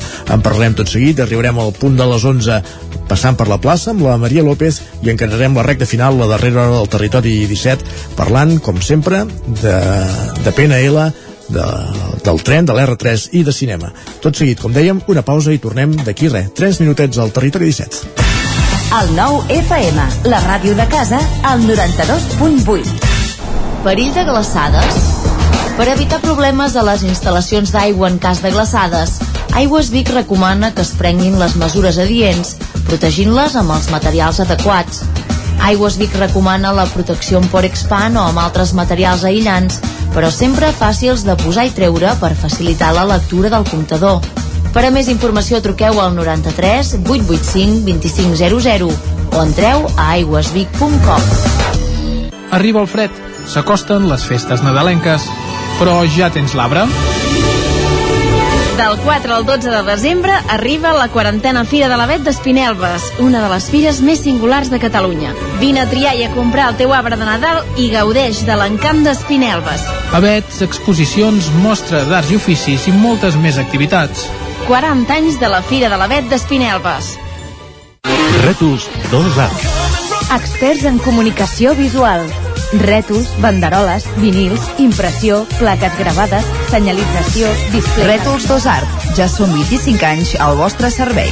Ens trobareu a la carretera de Vic a Olot, número 7, al polígon Malloles de Vic. dosartvic.com Telèfon 93 889 2588. Saps què és el confort intel·ligent? És tenir un terra radiant Giacomini a casa. Benestar que no es veu, però es nota tot l'any. I que pots controlar a distància des del teu mòbil, estalviant energia i diners. Suma't al confort intel·ligent amb Giacomini. Informa't a giacomini.es o truca al 93 884 1001 i t'ajudarem a tenir un terra radiant a casa o a l'oficina. Giacomini, la climatització que et mereixes. La ràdio de casa al 92.8. El nou FM.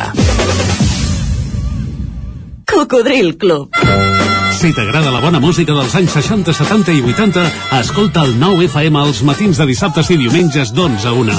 És el temps del Cocodril Club, tot un clàssic de la ràdio, amb les bases del pop-rock, les llegendes, les cançons que s'han convertit en autèntics himnes. Recorda, dissabtes i diumenges al matí, d'11 a 1, al 9 FM 92.8. Cocodril Club, el programa revival de l'Albert Malla. Hasta luego, Anuncia't al 9FM. La màquina de casa. 9 3 8 8 9 4 9 4 9 Publicitat arroba al 9FM.cat. Anuncia't al 9FM. La publicitat més eficaç. El 9FM, la ràdio de casa, al 92.8.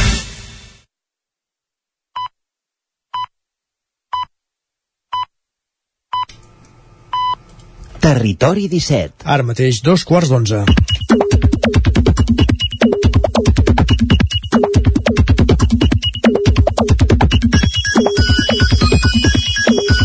I a aquesta hora, com cada dia, moment d'endinsar-nos a l'univers de Twitter, amb en Guillem Sánchez. Que ja el tenim aquí. Guillem, bon dia. Bon dia, Jordi, bon dia, Isaac. Ah, Maria. Què ens portes avui, aviam? Doncs avui comentaris i reflexions al voltant del tema del passaport Covid, que sembla que tots ja haurem d'anar portant a sobre i que ens haurem d'acostumar quan entrem a restaurants, a gimnasos... Home, tu que vas a discoteques ja el deus tenir a punt cada dia, no? Ho puc dir o no? I tant, Pots dir, digues, pots dir, Isaac. Em sento més còmode amb el passaport Covid que amb el passaport espanyol. Doncs queda dit, queda dit. Doncs va, l'Àlex ens escriu moltes ganes de veure com gent que fa mig any que pot vacunar-se plora perquè no té un passaport Covid i no pot entrar a un bar. En Xavi també ens comenta, diu, una companya que era antivacuna 100% avui ha demanat hora perquè s'hi ha vist obligada, diu, entre cometes. Ara tots són queixes perquè vol posar-se-la ja i li han donat hora per d'aquí a 15 dies. I mentrestant en Xavi també ens aporta, tinc un cas proper de no ens vacunem perquè ens enganyen i ara tots són pixats al ventre per vacunar-se perquè volen anar a passar al cap d'any a no sé quin punt d'Europa. Bé, situacions d'aquelles que... Còmiques, no? Còmiques, una mica. Per, una per mica. no dir una altra cosa. Correcte. Va, I més quan, coses. I quan esteu amb amics o, o familiars, no sé si heu viscut la situació següent en un eh, restaurant. A veure, diu, a vegades estàs en un sopar i no vols gastar gaire, i et demanes els plats menys costosos i t'aguantes mirant com els altres mengen un colant, un cheesecake, i tu no, perquè al final acabin fent un compte comú i et toqui pagar 22 euros per quatre bra- braves, una gamba i un caneló. Passa.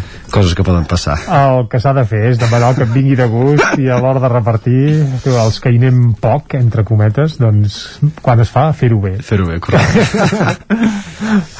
I parlant de menjar, avui també és un dia important per la Laia ens ha volgut compartir amb nosaltres. Diu, avui deixo de fumar. Així, una decisió espontània. Vull poder-me gastar el pressupost del tabac en formatges. Ah, bé, m'agrada.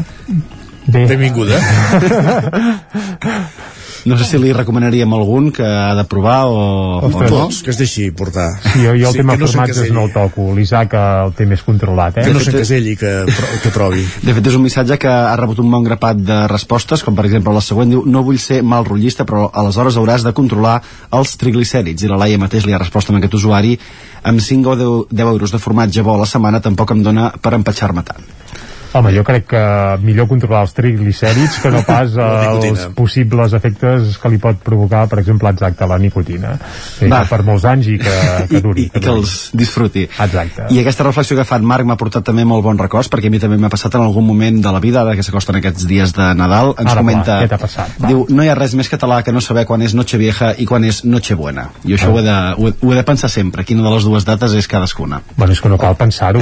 que Hi ha el cap que- d'any, hi ha Nadal i Exacte. Punt, i El que està clar és que no el existeix ni la nit bona ni, la nit vella. Això és evident. Això és evident. Termes cada vegada més estesos que hauríem d'enterrar, però vaja, eh, no Al sota fons. la immersió lingüística, sinó eh, amb un sotrac, o al fons d'aquest sotrac que han fet ara a la Rambla del Bisbat de Vic, aquesta muralla, que ara diu quan ho tornen a enterrar, doncs posem aquí la... Aquests termes. Aquests termes, també, va. Vinga. Aquestes per això són dues dates en què a vegades s'ha de fer un esforç per aguantar fins a altes hores de la nit, per fer festa o bé per menjar-te el raïm. A la Núria cada cop li costa més això. Ens comenta un dia ets jove i l'altre ets plenament feliç quan vas al llit abans de les 12 de la nit. Bé, ens fem grans tots i ens agrada anar, anar a dormir d'hora, també. Bé, home, o, o no, que de tant en tant també està bé fer una mica el tronera, eh? i més per de, amb dates d'aquestes més, Assenyalades. més especials, clar que sí. I el que s'ha d'estar sempre és atent a la previsió del temps per tot allò que pugui venir. Pepa Costa, per Aquí, favor. aquí sempre, sempre, al La- peu del canó. L'Albert ens escriu altres problemes derivats de la vida mo- moderna. Diu, qui es va rapar el cap al 0 i mig just abans de l'entrada de l'aire polar? Diu, exacte, jo. Doncs hagués escoltat en Pep Acosta cada matí aquí a Territori 17 i segurament s'hauria esperat uns dies perquè ja ens anunciava que venia una fredurada i una bona llevantada. Veiem barrets i gorros i gorres. Per això, també, per això en, en Josep li respon, diu res que no s'arregli amb una bona dessuadora i de fet jo aquí he de fer un apunt, jo sí que donaria un premi Nobel a tota a la persona que va eh, inventar el fet de posar una caputxa amb un jersei li donaria ja el Premi Nobel perquè és el millor invent de la, de la història així com del- la que portes ara mateix, correcte, eh? correcte. Però la fa servir gaire, la caputxa? la faig servir molt, Ah. més del que potser seria recomanable Va, per la gent que ens vegi per la tele, te l'atreviries a posar-te-la o què? Així... Sí, no? Ja Va, que vinga, fem-ho, fem-ho som, bé. Sí, tot i que no m'entra, eh? No m'entra amb els cascos, però... Va, ja, ja la veiem, la veiem. Ja s'ha vist. Va, s'ha vist, s'ha vist. Va, i I, per per acabar la ràdio sec- la gent se n'ha fet la- l'efecte, també. I per acabar la secció d'avui, si voleu guanyar seguidors a Twitter, aquesta és una bona estratègia. Ens l'escriu la Paula, que diu un 10% dels meus seguidors són el meu avi perquè s'oblida cada cop de la contrasenya i se'n fa un de nou. Un- És, és un home pràctic. Ah, molt Ah, molt bé, doncs és una bona manera d'ampliar el número de seguidors. La posarem, la posarem a la pràctica. Guillem, Guillem. moltes gràcies. Que vagi bé. Jordi, repassem les portades del 99.cat. Vinga, ràpidament, comencem per l'edició del Vallès Oriental, que ara mateix obre explicant que els hospitals del Vallès doblen el nombre de pacients ingressats amb Covid-19. Una mala notícia que obre a l'edició del Vallès Oriental. També una marxa de torxes a Granollers denuncia la pressió estètica del sector de la moda. Aquesta marxa es va fer ahir a la nit i els jutjats ballesans deneguen el 59% de les ordres de protecció. Això apareix ara mateix a la portada del Vallès Oriental. Anem cap a Osona. La notícia obre el 99.cat ara mateix és que reclamen més vigilància als trens de la nit a la línia R3 per l'augment d'agressions i robatoris. També apareix la reunió entre l'Ajuntament de Manlleu i la Plataforma per la Seguretat i el Civisme, del qual ja ens n'hem fet ressò aquí a Territori 17, i que la Universitat de Vic, Universitat Central de Catalunya, supera per primera vegada la xifra de 10.000 alumnes. Perfecte, moltes gràcies, Jordi. Anem a la taula de redacció.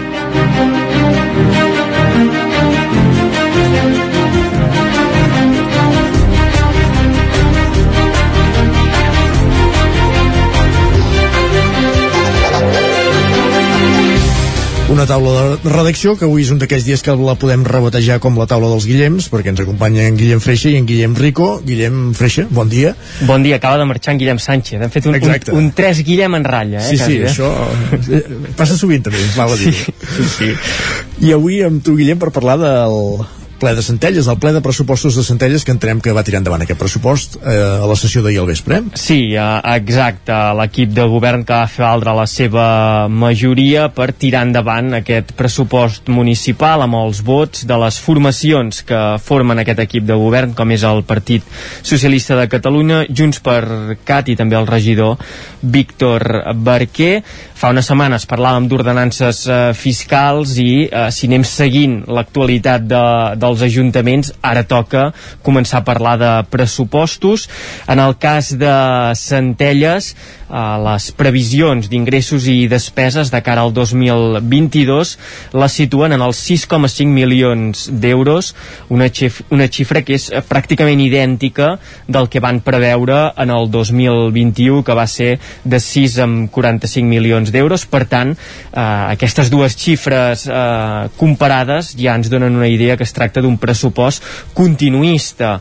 El regidor d'Hisenda, Víctor López, eh, eh, deia que es tracta d'un pressupost que no fa volar coloms i que es basa en buscar el millor servei per les eh, persones, ja que aquesta és la gran despesa que es troba en aquest eh, pressupost. Centrada principalment, d'una banda, en la residència Sant Gabriel, la residència de les persones grans de Centelles, també els serveis a les eh, persones en àmbits com poden ser l'educació o el benestar eh, social, i també hi ha la part del nou model de recollida de deixalles, perquè hem de recordar que Centelles va provar eh, fa un mes, a principis de novembre, aplicar un nou model de recollida de deixalles eh, basat en els eh, contenidors amb xip, amb, amb tancament eh, en funció de la fracció que toca aquell dia. Per tant, això també serà una de les despeses més importants. Pel que fa al capítol d'inversions, que sempre crida l'atenció, sempre és important fixar-s'hi, doncs la quantitat més important seria uns 200.000 euros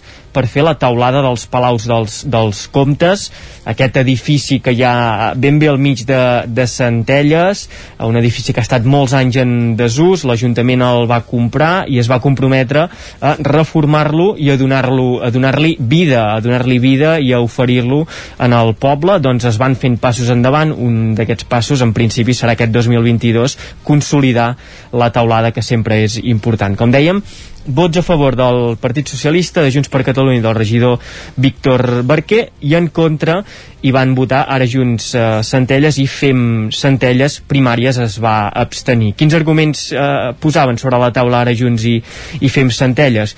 Doncs eh, en primer lloc eh, feien visible que l'any passat es va fer una previsió similar a la del 2022, parlàvem d'aquests 6, uh, 6 milions, uh, 6 amb 45 milions d'euros, i que s'han fet modificacions de crèdit uh, pràcticament per 3 milions d'euros durant aquest 2021, i alertaven sobre aquesta situació, que segur que s'hauran de fer uh, més modificacions de crèdit del que és uh, recomanable i que a més a més la majoria d'elles acabaran venint del romanent d'aquesta guardiola que tenen els ajuntaments i que ara poden eh, fer servir després de les últimes mesures aplicades des del govern central. També destacar l'apunt que feia Junts per Catalunya, eh, equip que forma part de, del govern municipal de, de Centelles, eh, deien que, que no, era el seu no seria el seu pressupost en una etapa post-Covid com ens la que trobem com, ens, com la que ens trobem a, a dia d'avui, però que havien acostat posicions que els hi acceptarien, però els hi feien una alerta també en aquest sentit, que vigilessin amb les modificacions de crèdit i d'on provenien aquestes modificacions de crèdit. I per últim, el regidor Víctor Barquer, també del govern municipal, eh, feia una altra reflexió i alertava que si es volen mantenir els serveis que ara mateix dona Centelles, que s'haurà d'anar avançant en un increment fiscal, amb més pressió fiscal a la ciutadania i augmentar impostos, i aquí entrava en joc una variable, que és l'Electra, la companyia eh, elèctrica municipal que hi ha a Centelles, i explicaven que amb la nova regularització del mercat, amb la nova situació del mercat elèctric, eh, s'ha fet un esforç per no pujar la factura a la ciutadania, perquè això també ha revertit en els ingressos que se n'obtenen d'aquesta empresa i que, per tant, eh, els diners hauran de sortir d'un altre lloc i Víctor Barquer aportava, eh, apuntava cap a incrementar els impostos. Doncs veurem com evolucionen tot plegats aquests números que s'aprovaven ahir a l'Ajuntament de Centelles. Gràcies, Guillem.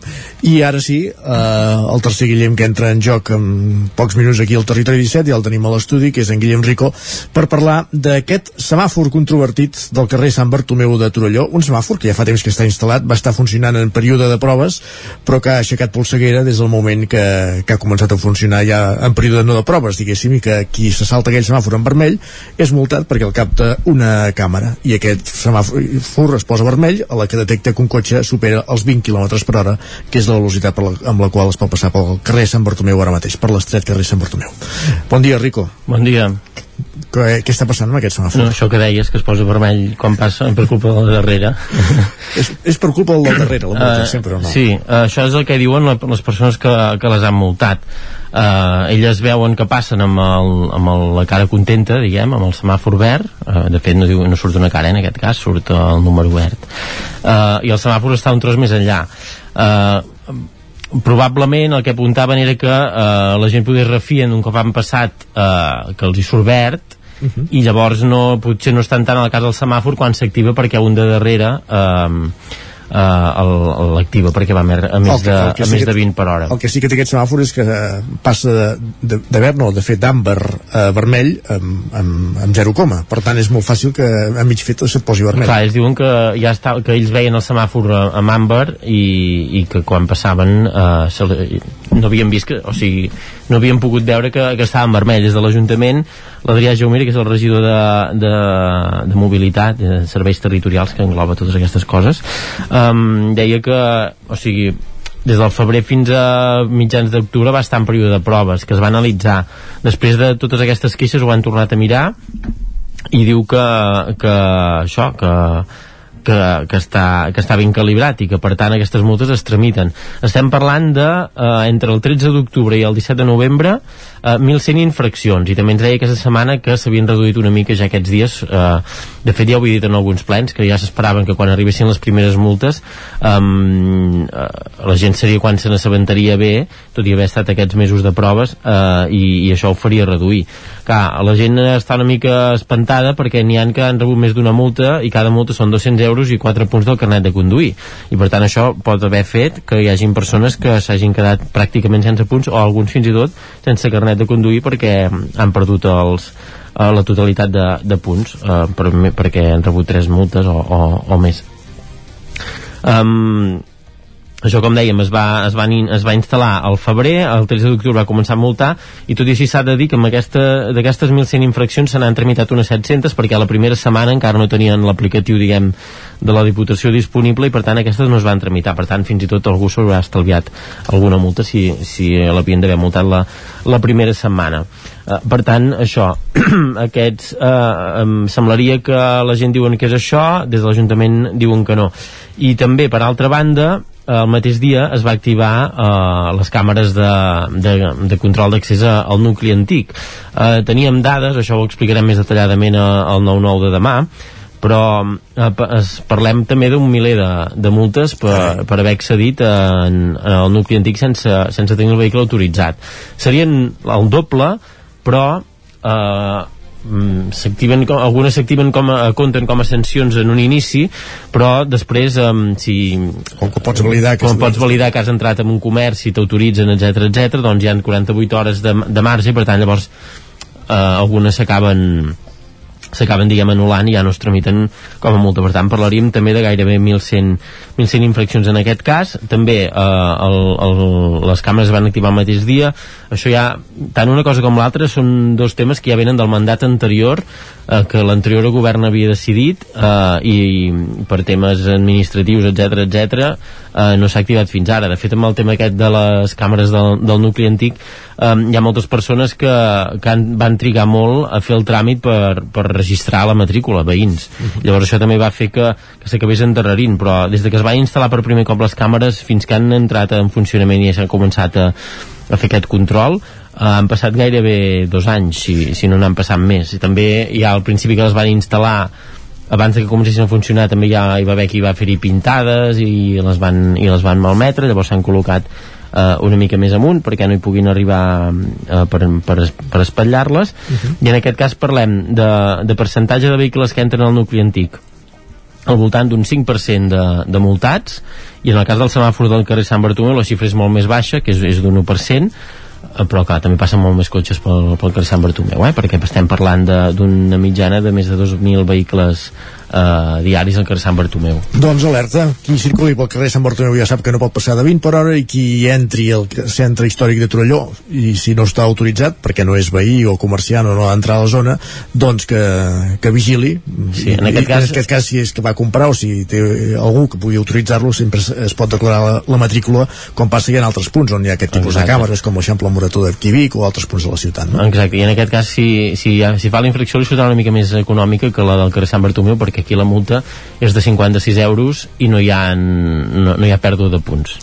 D'acord, doncs gràcies Guillem per posar-nos al dia d'aquesta situació també. Adéu, bon dia. Bon dia, nosaltres el que fem ara és anar cap a la plaça.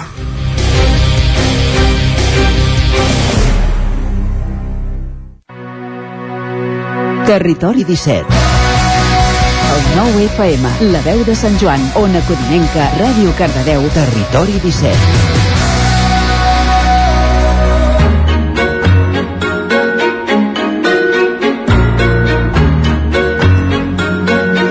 I a la plaça anem cada dijous amb la Maria López des de Ràdio Televisió de Cardedeu. Avui ara mateix passa, falten 12 minuts perquè siguin les 11 i ens en deixem en aquest espai setmanal de, de nova economia, diguem, no? I Maria, bon dia.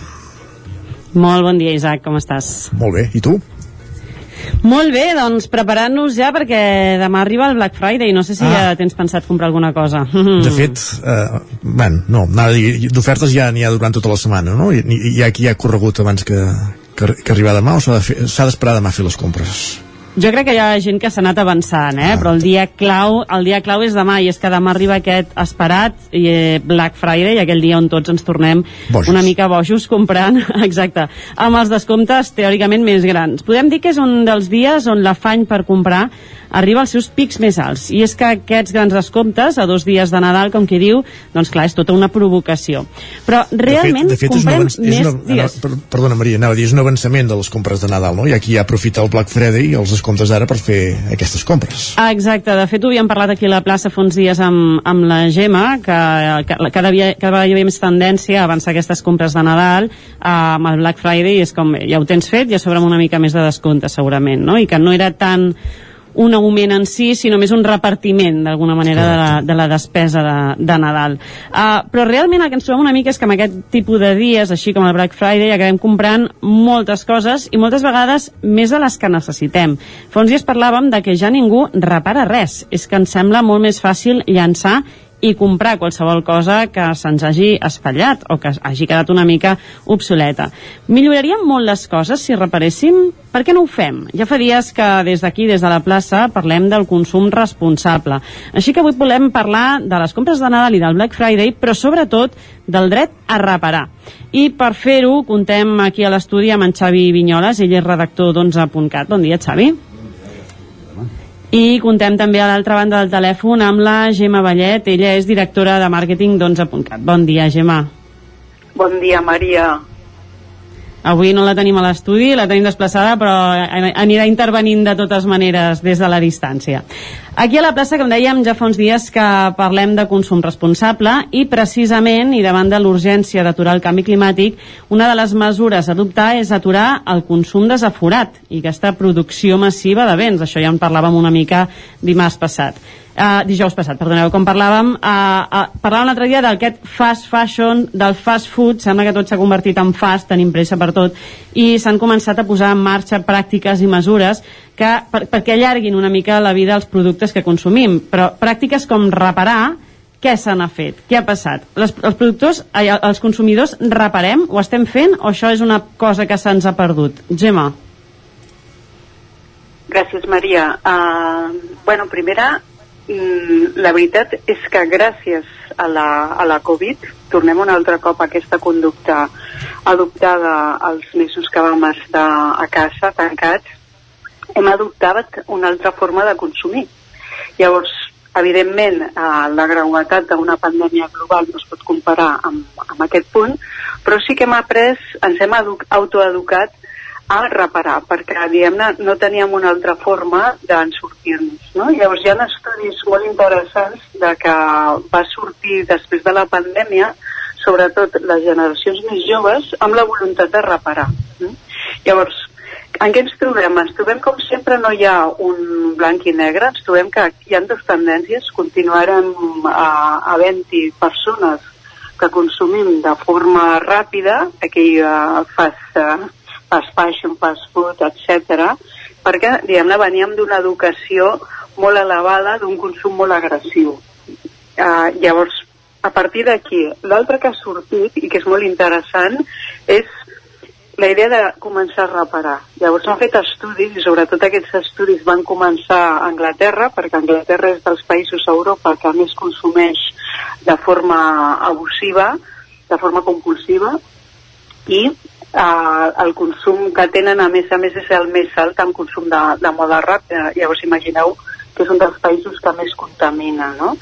Per tant, els estudis estan començant a sortir des d'allà i tenen indicadors molt interessants que hi comencen a trobar que un 58% dels joves entre els 18 i 24 anys, el que es, es diu la generació Z, diuen que eh, van eh, dedicar-se el seu temps a fer reparacions tant d'electrodomèstics com d'altres peces que tenien dins de la llar i això va ser uh, estimulat per, per la pandèmia no?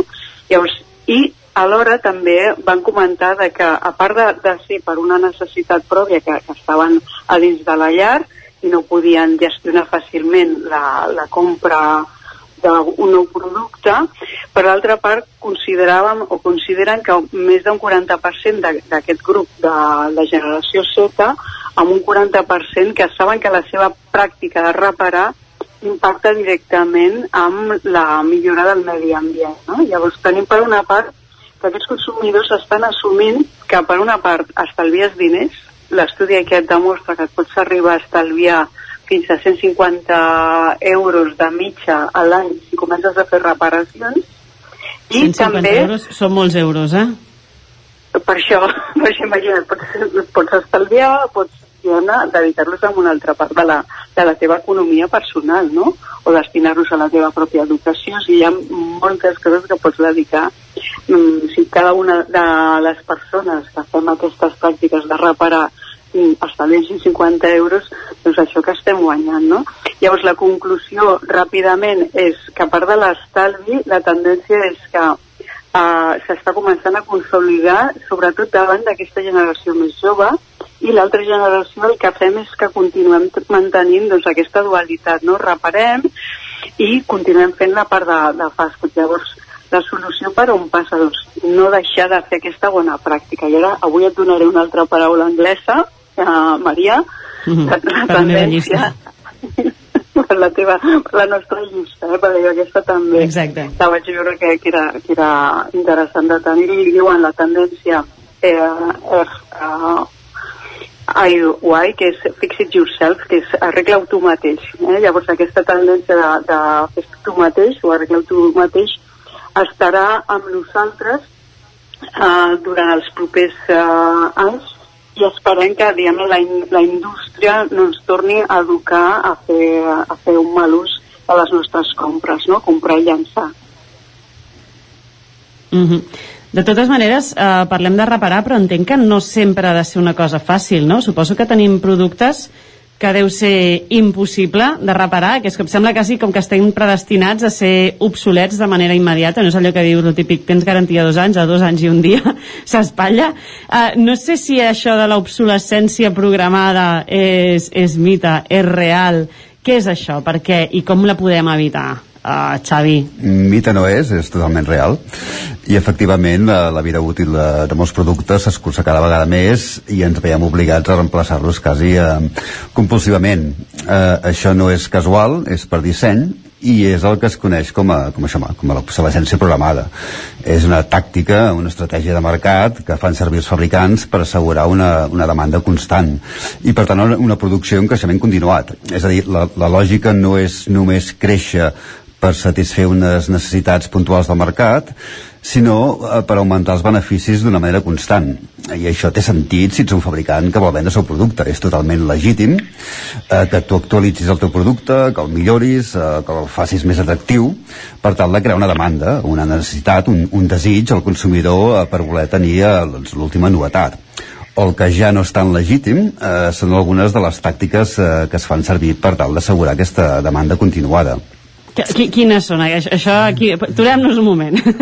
En, bueno, hi ha, hi ha diverses coses. Ens trobem amb productes que només, eh, no només tenen molt baixa qualitat, eh, que també, sinó que tenen components dissenyats per durar un temps limitat artificialment eh, o uns cicles d'ús eh, determinats. És a dir, estan dissenyats eh, perquè deixin de funcionar, perquè s'espatllin, i no només això, sinó que també estan dissenyats perquè no sigui rendible reparar-los, ni els puguem reparar nosaltres mateixos. Sí, una mica això que et deia abans de se m'espatlla això als dos anys i un dia, que és quan se m'acaba la garantia, està, està calculat, podríem dir, no? Sí, està fet expressament, no és casualitat. Quin està, mal, està eh? claríssim. Hi ha, hi ha infinitat d'exemples, eh, des de les bombetes amb filaments cada vegada més prims i que evidentment duren menys fins que es fonen, eh, fins que això que deies tu, eh, fins a les impressores, amb, amb xips programats per deixar de funcionar quan, quan s'han assolit certs cicles d'impressió. Uh -huh. I no només això. D'això que deies de les bombetes, Sí. durant un temps, es, bueno, no sé si es va dir o està constatat, això que m'ha arribat, eh? Uh, algú que havia dissenyat unes bombetes que no s'espatllaven mai, però que d'alguna manera no havia tirat endavant precisament perquè se li havien posat Sí. com traves. Hi ha una espècie de cartel, que això és conegut, eh, també hi ha la bombeta aquella famosa amb una estació de, de, de, de, de, de bombers de Nova York, em sembla Sí. que és, que porta 100 anys quasi pràcticament encesa sense fondre's, no? No cal arribar a aquest punt. Jo a casa tinc un garatge de casa dels meus pares que les bombetes no he canviat mai. I, ah. fa 30 anys que no els he canviat i segueixen funcionant segueix. perfectament uh, i sí, evidentment uh, doncs, hi, hi ha gent que ha intentat anar en contra d'això uh, de fet em sembla que és un dels fills de, de Philips que ho va provar i també se li van posar en contra no? hi ha tot un moviment uh, d'això doncs, de, de fer coses que durin no? Uh, per portar l'evidentment no? um, i no només això, també el- els entrebancs eh, eh, que els fabricants ens posen a l'hora de, de reparar alguns productes nosaltres mateixos la necessitat de tenir eines especials. Eh, qualsevol que hagi desmuntat un mòbil o un ordinador portàtil eh, de segons quines marques s'ha trobat amb un tipus d'avisos que no sabia ni que existissin i que requerien doncs, tornavisos especials. Eh, abans els mòbils era molt, molt fàcil obrir-los i, i reemplaçar la bateria, tot ho fèiem o la pantalla o qualsevol altre component i això feia que, que duressin molt més. I ara sembla doncs, que ni una cosa ni l'altra. I a més els, els telèfons intel·ligents amb les contínues actualitzacions de programari eh, s'han fet fins i tot actualitzacions per provocar la, eh, que el mòbil eh, que tenim vagi més lent i, i tingui menys prestacions, això ha passat i s'ha denunciat. I així obligar-nos a, a comprar-ne un de nou. Eh, i és clar, això és totalment il·legal eh, i evidentment que aquestes coses són, són evitables no? Ara que parlaves d'això de legalitats, no sé si, si hi ha algun marc que, que ens ajudi a, a reparar d'alguna manera el que comprem i què li podríem suggerir a les persones per reparar algunes pistes, Gemma? No, Xavi, potser aquesta, eh, tu? Doncs, doncs sí, el novembre del 2020 eh, la Unió Europea va aprovar una nova normativa eh, que es coneix com el dret a reparar i que va entrar en vigor al març d'aquest any i per la qual cada estat membre ha d'introduir doncs, les mesures necessàries perquè es faci efectiva eh, amb aquesta normativa els fabricants de molts aparells elèctrics o electrònics han d'assegurar que hi hagi recanvis durant 7-10 anys, una cosa que ja passa eh, amb la indústria de l'automoció, amb els cotxes, i també han d'assegurar la disponibilitat de, de manuals de reparació, una cosa que fins ara doncs, eh, no sempre era possible, i facilitar, eh, o més aviat no complicar, el desmuntatge d'aquests aparells la idea és que aquests productes no només tinguin un etiquetatge indicant uh, l'eficiència energètica, eh, com, com ja tenen ara les rentadores, mm -hmm. les neveres, altres domèstics, sinó que també estigui indicat el seu índex de reparabilitat uh, de manera que el consumidor pugui fer una compra més informada i més conscient de cara a la, a la protecció del, del medi ambient. Què podem suggerir a la gent? Una mica... Va d'entrada una mica a sentit comú, aviam, eh, eh, no cal comprar una, una torradora de 300 euros, eh, però si en comprem una d'euros és molt possible doncs, que estigui tot fet una mica de fira que es diu, de plàstic, que no es pugui desmuntar, que no es pugui reparar, que no hi hagi peces de recanvi. Tot i que hi hagi aquesta normativa que se suposa... A partir d'ara això, teòricament, s'ha d'evitar això és, eh, com diguéssim, fins ara, el que fèiem. Uh -huh. Però ara, a la que vagi entrant aquesta normativa, això, en principi, no hauria de passar, eh, perquè els fabricants estan obligats a tenir un, un cert eh, nombre de, de recanvis durant uns anys i tenir-los disponibles. El que ens podem trobar llavors és que els mateixos fabricants, si no són capaços de tenir això, no trobem llavors torradores a 10 euros. Això també pot passar, eh, i també pot passar que aquestes peces només siguin accessibles eh, a, a reparadors autoritzats ja. que això és un dels punts que està una mica en discussió perquè si, si, has de, si no pots arreglar tu mateix també no, no arreglem massa no? Uh -huh. els fabricants buscaran eh, doncs, doncs maneres evidentment de, de torçar una mica aquesta legislació eh, ja sigui amb, drets intel·lectuals que no, no poden fer actualitzacions de software eh, eh, segons qui o, o, o per la perdida del producte i, i ara no, no, no, no està clar això no? Ja, ja, els fabricants doncs, lluitaran per la seva banda per conservar una mica el, el monopoli que tenen amb, amb aquest tema, està claríssim però és un gran pas, eh? és una cosa que s'ha de celebrar sentit comú ens aconsellava, ens aconsellava el, el Xavi de cara a fer aquestes, aquestes compres i entenc que també recomanem reparar en la mesura del possible no? per evitar tota aquesta per fer tot una mica més sostenible que deia. Evidentment, mira, a Espanya hi ha eh, em sembla que és el 2020 900.000 milions de tones de deixalles electròniques és, és, mm. és una brutalitat estem fent servir aparells electrònics d'un sol ús eh, que els fem servir els tirem eh, perquè els comprem molt, molt baratos també i durant poc eh, i això, clar, pel medi ambient això és, un, és brutal doncs potser serien aquests dos consells una mica de sentit comú i en segon lloc fixem-nos abans de, de tirar les coses si no som a temps de fer-hi de fer alguna cosa que ens ajudi una mica més a tots. Passen dos minuts de les 11, arribem al final de la plaça, però abans, Gemma, des de l'altra banda, a dijous vinent espero tenir-te per aquí. No sé si ens pots avançar una miqueta de què parlarem. Parlarem de l'atenció personalitzada. Eh, eh, una coseta, Maria, vas guanyar o com va quedar el, el concurs? Perquè aquesta part me Bona aquesta, bona. O sigui, no heu pillat que si no he dit absolutament res és per algo? O sigui, vosaltres penseu que si jo hagués guanyat algo m'hagués callat, coneixent-me? O sigui, és el primer que us hagués dit. Va ser un desastre. Res, saber, però saber per què no vam guanyar? Ens van dir que no sabia prou a ratafia, que sabia tant a marisc, que ah. era molt bo, però que el gust de la ratafia, tot i que li van posar 300 mil·lilitres, havia quedat diluït. I llavors eh, no es notava tant i això ens va jugar a la contra. Però no, no, no vull que em torneu a fer aquesta pregunta mai més fins l'any que ve, gràcies.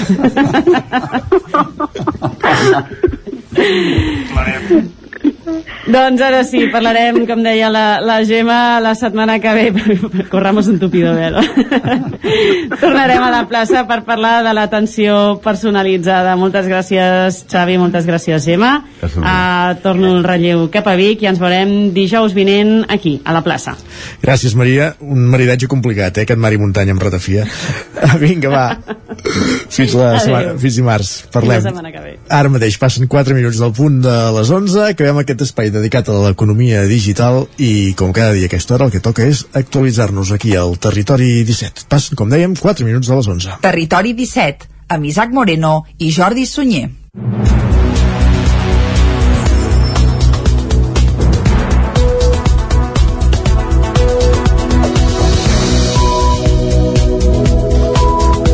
Després d'un contacte inicial abans de la concentració del dia 7 de novembre a la plaça Fra Bernadí, aquesta setmana hi ha hagut una primera reunió entre l'Ajuntament de Manlleu i la Plataforma per la Seguretat i el Civisme que s'ha creat les últimes setmanes i que ha recollit 6.000 adhesions. El col·lectiu ciutadà i el consistori estan d'acord en buscar solucions per les problemàtiques de robatoris o actes vandàlics. Representants de la Plataforma per la Seguretat i el Civisme de Manlleu es van reunir dilluns a l'Ajuntament amb representants de l'equip de govern i també dels grups de l'oposició, el PSC i la CUP. La reunió arribava després de la concentració que es va fer principis de mes i que va plegar centenars de persones a la plaça Fra Bernadí.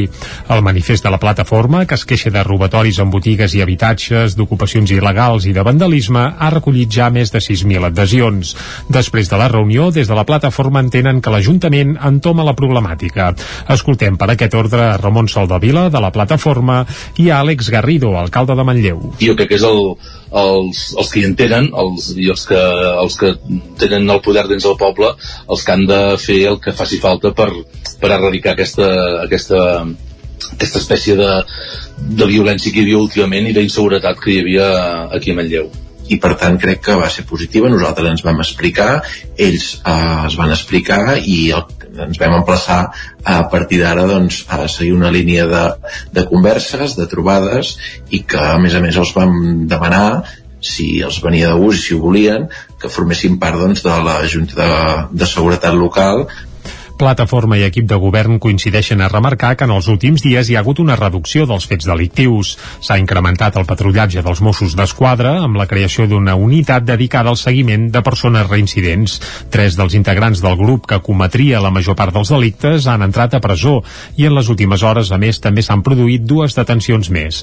L'Ajuntament ha decidit personar-se en les causes contra els detinguts en els casos més extrems. A la reunió també es va explicar que cinc agents de la policia local s'han incorporat al cos després d'acabar la formació i que s'ha de posar en marxa un dispositiu que ja estava previst amb dos agents cívics, tres educadors de carrer i un dinamitzador de l'espai públic. Àlex Garrido. les responsabilitats municipals també les hem agafat i, i les estem aplicant. Això vol dir eh, un desplegament important d'agents cívics, d'educadors de carrer, perquè el que també volem evitar és que eh, a mig i llarg termini es reprodueixin casos com el que, que, que ara estem vivint.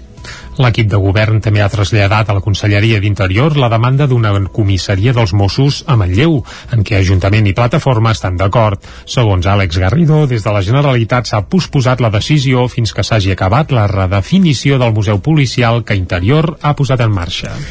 El, la ciutat de Ripoll supera les 5.600 persones que treballen, la xifra més alta en 15 anys i té un saldo positiu de 20 obertures d'activitats. Isaac Muntades, des de la veu de Sant Joan. L'Ajuntament de Ripoll està d'enhorabona perquè els darrers dies s'han conegut les dades a 31 d'octubre de les xifres d'ocupació, d'afiliacions a la Seguretat Social i de persones que estan a l'atur, les quals són força bones. Actualment a la capital del Ripollès hi ha 5.636 persones afiliades a la Seguretat Social, que és la xifra més elevada dels últims 15 anys i significa un increment interanual de 178 persones respecte al 2020. També cal destacar que Ripoll concentra el 55% de llocs de treball de la comarca, unes xifres molt positives tenint en compte que es ve d'un any de pandèmia que ha fet molt mal. L'alcalde Jordi Monell ho va valorar molt positivament. tenir feina, una feina digna, si pot ser, una feina el menys precària possible, que és el que treballem i lluitem tots, és la millor política social, entenem, que podem fer des de les administracions eh, per facilitar, com dèiem, que hi hagi activitats econòmiques, facilitar que hi hagi empreses, negocis, que es pugui estimular l'economia, i això és un dels nostres nostres principals maldecaps, no? intentar com l'Ajuntament pot facilitar que hi hagi activitat econòmica i per tant sinònim a llocs de treball. Les xifres de l'atur també són força bones i ara mateix Ripoll té 438 persones sense feina, que són 138 menys que fa un any. El 2018 se superaven les 470, per tant s'hi denota una millora important, però encara no se superen les xifres del 2019, en què l'atur estava lleugerament per sota. Monell considera que des del mateix consistori, l'Agència de Desenvolupament del Ripollès, el Consorci de Benestar Social o les polítiques del Servei d'Ocupació de Catalunya,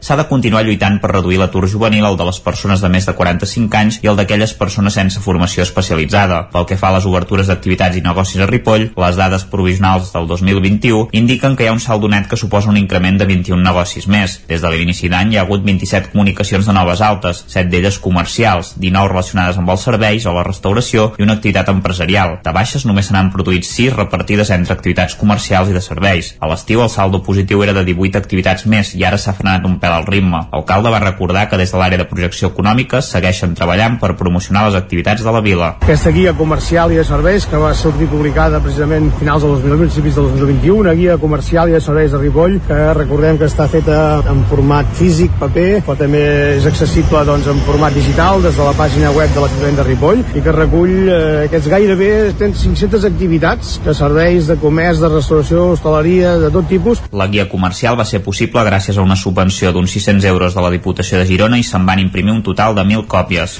Més qüestions, el Centre de Salut Joan Mirambell, o que és el mateix el cap de Caldes de Montbui, recupera l'entrada principal per l'Avinguda Josep Fontcoberta després de mesos d'obres. Caral Campàs, des d'Ona Codinenca.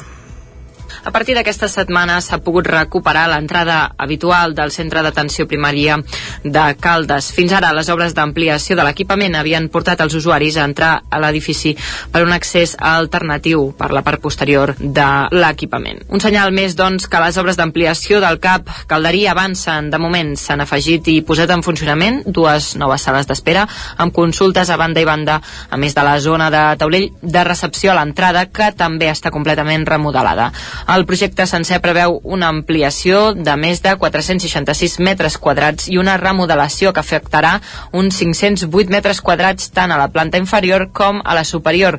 Algunes de les millores més significatives seran l'obertura de consultes específiques que permetran que el CAP aculli el servei d'odontologia per tota l'àrea bàsica de salut i la creació de nous espais, com la sala d'educació sanitària. Inicialment, aquesta reforma i ampliació del centre d'atenció primària Joan Mirambell estava previst que es completés a mitjans de 2019, però diverses dificultats en la fase de les obres van endarrerir els terminis fins a una segona data fixada en la tardor del 2020. La irrupció de la pandèmia i la conseqüent ralentització de l'activitat, però, van forçar un nou ajornament. I a Vic, suma't al zero, aquí no malbaratem, és el nom de la campanya que l'Ajuntament va presentar ahir al restaurant Mac de Sobirana amb l'objectiu de minimitzar la quantitat de menjar que sobra a la restauració. La campanya s'ha impulsat gràcies a una subvenció de l'Agència de Residus de Catalunya i amb la col·laboració de l'Associació d'Empresaris d'Hostaleria i Turisme del Moianès i Osona. Carmanyoles, bosses i davantals elaborats amb materials compostables. Aquests són els distintius de la campanya de restauració Suma't al zero, aquí no malbaratem, que l'Ajuntament de Vic va presentar ahir al matí al restaurant Mac de Sobirana. L'objectiu és minimitzar al màxim la quantitat de menjar que sobra a la restauració. Ho explica el regidor de Medi Ambient de l'Ajuntament de Vic, Albert Castells. De pensar que generem a la ciutat de Vic eh, més de 3.000 tonelades, prop de 3.500 tonelades a l'any de residus orgànics, i d'aquests residus n'hi ha una gran quantitat o una quantitat significativa que està considerada malbertament.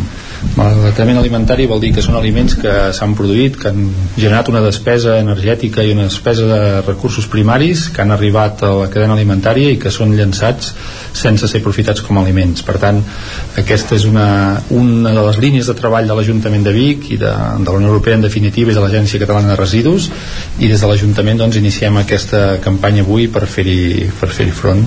La campanya que es va presentar en el marc de la Setmana Europea de la Prevenció de Residus va, eh, es va presentar, volem dir, al restaurant Mac de Sobirana de Vic, que ha estat un dels primers en adherir-s'hi. La seva propietària parlava de la importància de facilitar a la clientela el fet de poder-se emportar el menjar que el sobri dels àpats. Mac de Sobirana. Des de fa molt temps nosaltres intentem que la gent no deixi res i que s'ho emporti. Uh, per què? Perquè nosaltres ens fa mal al cor. Els que som una mica grans i hem tingut àvies a casa ens han ensenyat sempre a que no s'ha de, de llançar res. I això era una cosa que feia uns anys estava com mal vist, que algú anés en un restaurant eh, no s'acabés el menjar o no s'acabés el vi i se l'emportés era com de, de pobre, de, no quedava bé ara és molt, molt al contrari la gent està tenint consciència de que no és un problema ni de rics ni de pobres ni de que faci pena ni de que no és un problema eh, de consciència i, i penso que mentrestant ens estem conscienciant tots Els restaurants que s'adhereixin a la campanya obtindran carmanyoles i bosses gratuïtament que podran oferir a la seva clientela.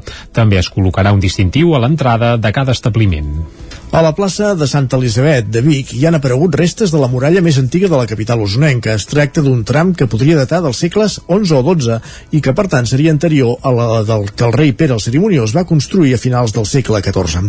Els treballs que ara està parant s'han realitzat amb un objectiu, tenir una idea aproximada del que pot sorgir al subsol quan es faci la reforma de la Rambla dels Montcada conduccions de gas, d'aigua, clavegaram i un tram de muralla. És la sorprenent troballa que ha tret a la llum una prospecció arqueològica impulsada per l'Ajuntament de Vic a la plaça Santa Elisabet, on conflueixen precisament les rambles del Bisbat i la dels Montcada. Es tracta d'un tram de muralla que podria datar dels segles XI o XII i que, per tant, seria anterior a la que el rei Pere el Cerimoniós va fer construir a finals del segle XIV. Ho explica l'arqueòleg Adrià Cubo veníem amb uns objectius molt clars, que era documentar el portal de, de Caral, amb les seves dues torres associades, i d'això ben bé no ha aparegut res. Sí que és veritat que segurament tenim documentat un tram de la muralla romànica, un mur de més de 80 centímetres ample, que no, no, no es coneixia ni pensant que els trobaríem aquí. És veritat que hem pogut trobar una miqueta de lo que seria el portal, però per espai de, de la plaça i els habitatges no hem pogut seguir documentant-lo. També han sorgit altres murs que es podrien associar a una adoberia que, exige, que segueix l'alineació de les actuals i de la qual es coneixia ja la seva existència. Els treballs que s'han fet tenen un objectiu, fer-se una idea aproximada del que pot sorgir al subsol quan es faci la reforma completa de tota la Rambla dels Montcada.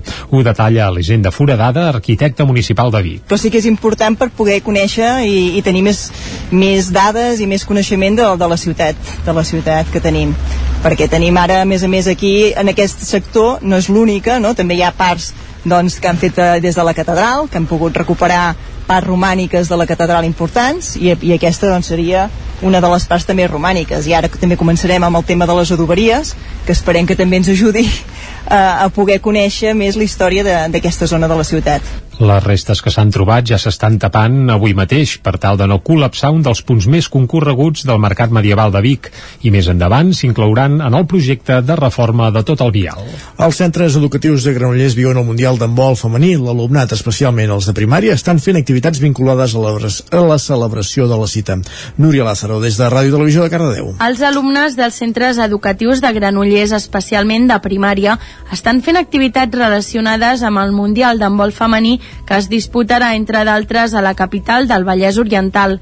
15 centres s'han vinculat a algun dels països que jugaran a Granollers la fase prèvia. França, Montenegro, Angola i Eslovènia del grup A i Dinamarca, Corea del Sur, Tunísia i República del Congo del grup F. Aquestes escoles treballen cada país com a centre d'interès.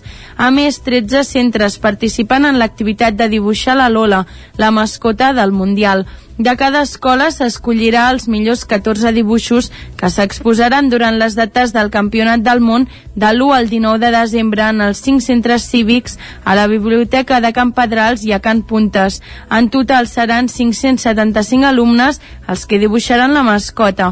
Diversos centres de primària també han demanat la visita de la Lola i poder jugar amb el xutòmetre inflable per practicar el llançament en el pati.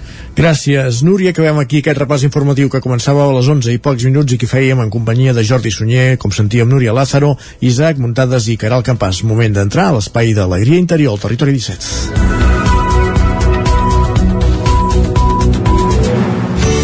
Territori 17. Envia'ns les teves notes de veu per WhatsApp al 646 079 023. 646 079 023. WhatsApp Territori 17.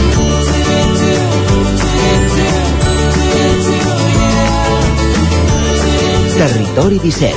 Som a Facebook, Twitter i Instagram amb l'usuari Territori 17.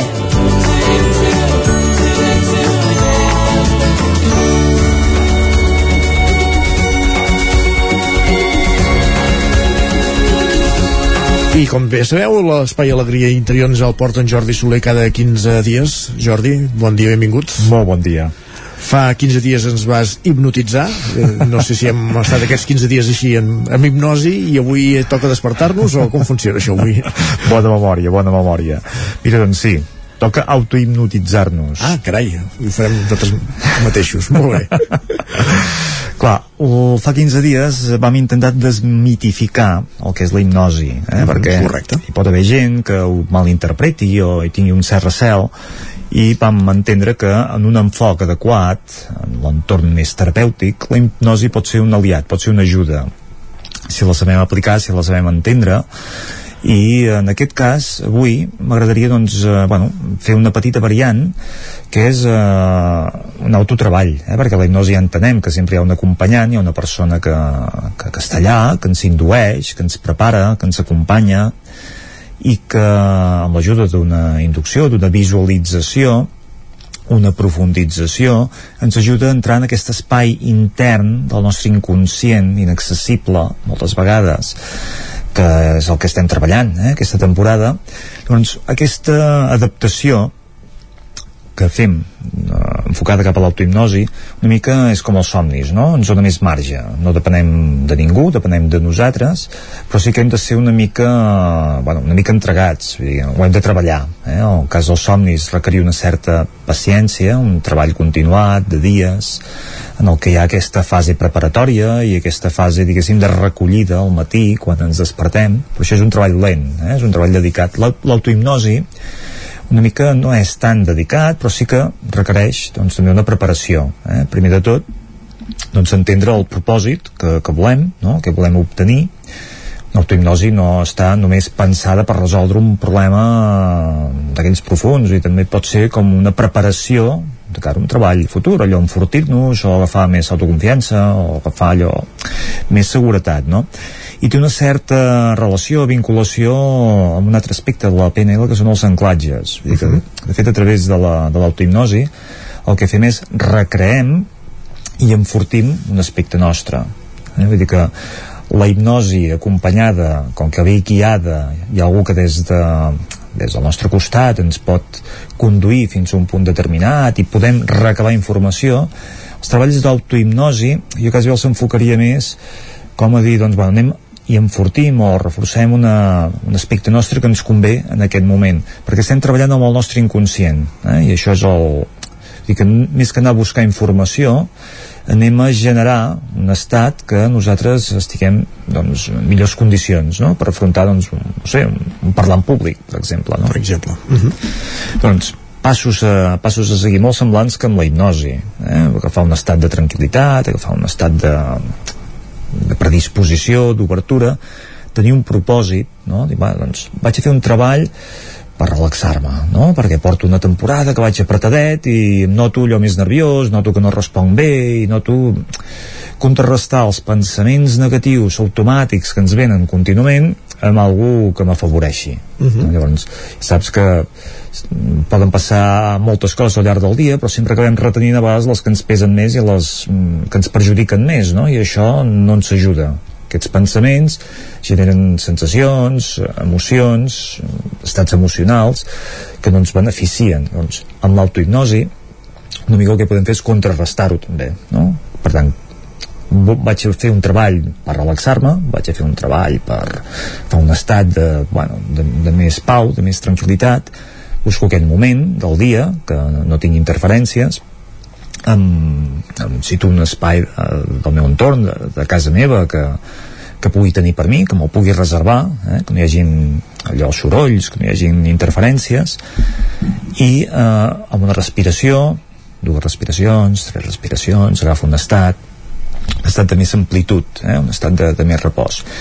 I després incorporo la visualització. Una visualització clar, si som creatius la podem incorporar així automàticament.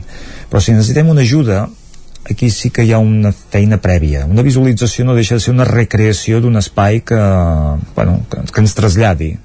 Imaginem que volem tranquil·litat i a mi la tranquil·litat doncs me la me la proporciona doncs, un estat de, de, amb la natura, al bosc o sigui, no ha de ser tot l'estiu a la platja, no, no, pot ser a l'hivern, pot ser en fred, això a mi em pot traslladar a un espai de tranquil·litat, per què no? Eh? Hi ha gent que li agrada la pluja, li agrada els dies emboirats, no? No a tothom els agraden les postes de sol i els dies alegres, sinó que cada persona pot tenir un vincle amb aquell estat de tranquil·litat d'una forma diferent. Doncs, imaginem-nos, eh?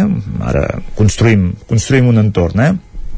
en la natura, a la muntanya, alta muntanya, sentim les sensacions de l'aire més fresquet, més fred, no? Vull dir que un cel allò una mica entrenyinat, una mica gris, les boires a la muntanya, la pedra, la, la humitat en el terra, anem incorporant elements, anem definint no només imatges, sinó sensacions, olors, temperatura, el tacte de, de l'escorça, no?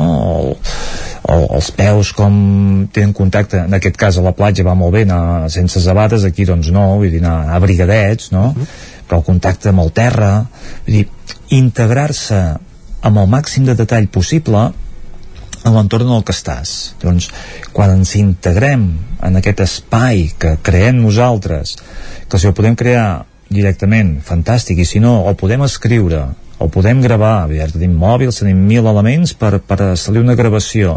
I ens el podem posar no? i per tant escoltar-lo simplement això ens pot ajudar. Això ens trasllada. Ens trasllada a un estat ampliat de la nostra consciència. I quan estem en aquest estat sense la necessitat de tenir una persona al costat que ens acompanyi, simplement nosaltres hem creat aquest espai d'alguna forma estem doncs com ingerint una, una medicina positiva per nosaltres que potencia aquell aspecte que en aquest cas és la tranquil·litat doncs em deixa un estat de, de tranquil·litat aquí si incorporem l'anclatge el component de l'anclatge llavors això a més a més ho, ho lliguem amb una paraula eh? ho lliguem amb un amb un anclatge sinestèsic allò a vegades tocant eh, doncs, una part de la mà o del cos vincula aquell estat amb, una, amb un anclatge sinestèsic doncs aquests elements, aquesta petita sessió d'autohipnosi, el que fem és eh, bueno, recuperar una mica els nostres recursos, no? potenciar un aspecte que ens convé, vull dir, ara hem parlat de la tranquil·litat, no? vull dir que dius, això si ho practico de forma assídua, de forma periòdica, cada setmana, doncs hi dedico un dia, un dia a la setmana una hora, no? Vull dir que dius, bueno, quant temps dediquem a pensaments que ens perjudiquen al llarg de la setmana?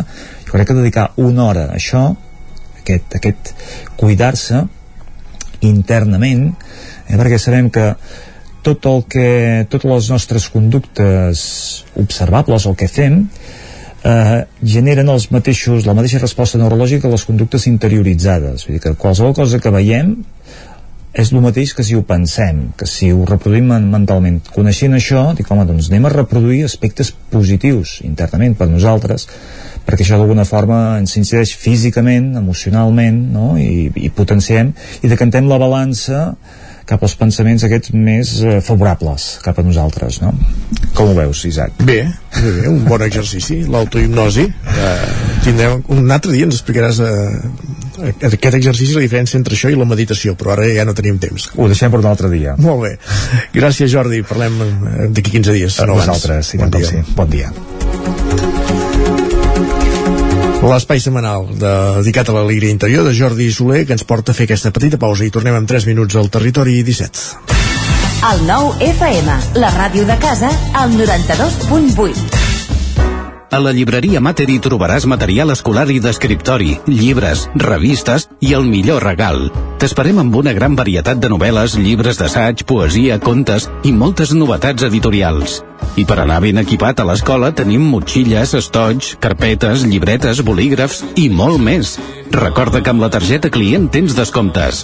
Mater, llibreters amb vocació des de 1957. Llibreria Mater. Ens trobaràs al carrer Pla de Balanyà número 23 de Vic i a mater.cat. Tenim quaderns de vacances i les novetats amb motxilles i estoig de la marca Kipling. T'esperem. Saps què és el confort intel·ligent? És tenir un terra radiant Giacomini a casa Benestar que no es veu, però es nota tot l'any. I que pots controlar a distància des del teu mòbil, estalviant energia i diners. Suma't al confort intel·ligent amb Giacomini. Informa't a giacomini.es o truca al 93 884 1001 i t'ajudarem a tenir un terra radiant a casa o a l'oficina. Giacomini. la climatització que et mereixes. A Corretja tenim tot el que necessites per la teva llar. Tot tipus de paviments i revestiments, sistemes d'aïllament, cobertes, parquets, aixetes, ferreteria, pintures, fixació i cargoleria, vestuari i material de seguretat. Disposem de més de 3.500 metres quadrats d'exposició amb una nova zona exterior d'aïllaments. A Corretja som especialistes en cuines i banys. Us assessorem, dissenyem i realitzem el projecte des de l'inici fins a la fi del muntatge. 100% cuines, 100% banys. Al carrer Mas Vigues 8 de Vic, a corretja-sl.com o a Instagram. 100% materials per la construcció i la decoració. 100% corretja.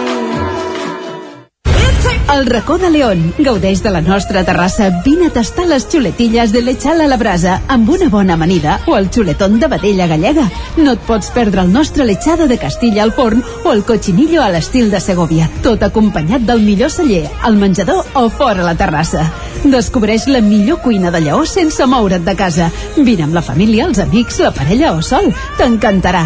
El racó de León, cuina tradicional lleonesa i de mercat. Som al carrer Torelló número 35 de Vic. Per reserves, telèfon 93 889 1950. El racó de León, una cuina diferent. Som especialistes en cargols a la llauna. Vine a tastar-los al racó de León.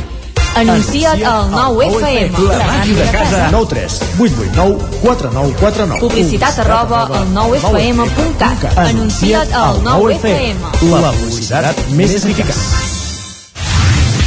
El 9 FM, el 9 FM, el 9 FM, el 9 FM, el 9 FM. Territori 17 A Tren d'Alba. Cada dia els usuaris de la línia R3 de Rodalies que veuen sortir el sol des d'un vagó ens expliquen les gràcies i les penes del primer comboi que uneix Ripoll i Barcelona. Benvinguts a Tren d'Alba. La piulada que avui us porto a Twitter d'en Marc Jancà fa una comparativa de l'estació de Chambéry-Charles-Lesaux amb la de Vic. A la foto s'hi veu una estació molt equipada per una ciutat de 60.000 habitants en el que defineix com una república democràtica centralista i diu que a Vic li correspondrien dos terços d'això en vies, tren, espais i serveis, però que la maledicció de l'R3 és que està ubicada en una monarquia oligàrquica centralista. déu nhi quines comparacions. Ei, que l'estació francesa fins i tot té un rocòdrom del club alpí francès. Va, us deixo ja amb la crònica de la Glòria Francolí d'ahir a la tarda, que últimament va molt cansada. Hola, molt bon vespre. Aquí la Glòria, des de l'R3. El tren que avui ha sortit de Sants a les 17.35 ha arribat a Torelló uns 10 minuts tard. Tenint en compte que Barcelona diluviava, que a l'estació un tren que se n'anava cap, a, cap a Mataró ha parat el seu recorregut a Sants i que els dies de pluja ja sabem que són complicats estic super contenta perquè 10 minuts tard realment és la normalitat o sigui és com si haguéssim anat puntuals avui i avui el tren eh, no tenia ni, ni esma de llegir perquè estava esgotada no podia amb la meva ànima, estava molt, molt, molt, molt, molt cansada. He intentat dormir una estona, però quan hem arribat a, tot, a Torre Baró, que portàvem 20-25 minuts em, em tenia més desvetllat i avui simplement el que he fet ha sigut anar mirant el, el telèfon. Una cosa que va molt bé quan vas en, en tren és, si no dorms, és contestar correus electrònics. I avui precisament m'he dedicat a això a contestar correus eh, he quedat entesa amb alguna persona que feia dies que ens estaven buscant per mail i he enllestit aquesta feina, o sigui que el viatge m'ha passat volant, amb un, una hora i mitja i més de minuts hem, hem arribat a Torelló i ha anat perfecte, ha sigut un viatge superproductiu perquè he enllestit molts temes que tenia pendents. I no res, a part d'això, ara fer el sopar i anar a dormir que demà tornarà a tocar matinar. Vinga, que passeu tots i totes molt bon dia. Doncs sí, això de contestar correus electrònics és tot un exercici a part, sobretot si fas una feina on en pots rebre uns 10 o 20 de mitjana cada dia. Va, ens retrobem demà amb més històries del tren i de l'R3. Territori, Territori 17. Territori 17.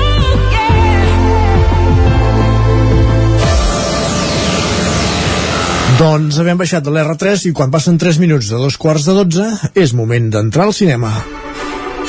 I aquí ens esperen en Joan Garcia i en Gerard Fosses com cada setmana.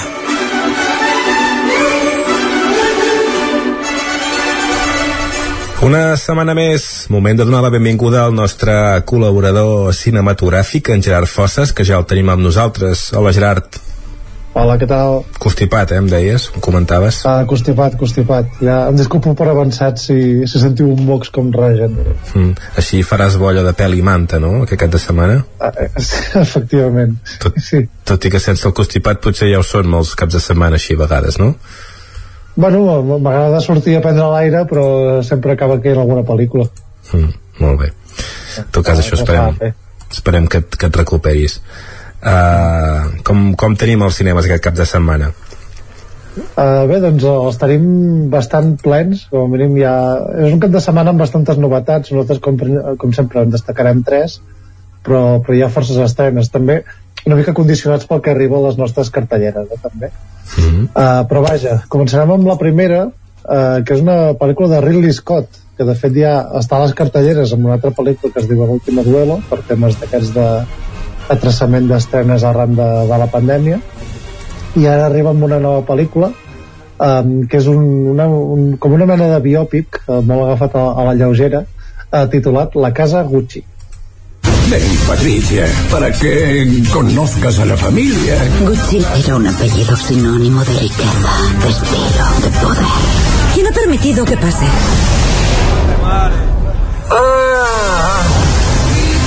He sido un Gucci toda mi vida. Es un imperio. Puedes ayudar a tu familia. Gucci no es emocionante y todo el mundo lo sabe. Llevan mi apellido al cielo. Nuestro apellido. Cielo. Gucci necesita sangre fresca. No és un... Doncs mira, al principi semblava gairebé una pel·lícula d'humor, eh? Perquè com que això, van amb aquests uh, pentinats i aquesta roba més d'una altra època, d'unes altres dècades enrere, fa gràcia i a més a més com que veus a, a la Lady Gaga i tot plegat, però no ho és, eh? Al final el tràiler i entenc que la pel·lícula es va, es va enfosquint, eh? Sí, de fet, la pel·lícula és, un drama, eh, està basat en, en l'assassinat de, de Mauricio Gucci, que és el, el, el net de, del fundador de- d'aquesta marca de, de moda, i, i diguem que, que és una mena de tragicomèdia, gairebé diríem com un culebrot, ¿Sabes com un guardar un culebrot secreto? reduït en, En una pel·lícula de, de dues hores i mitja, de la casa.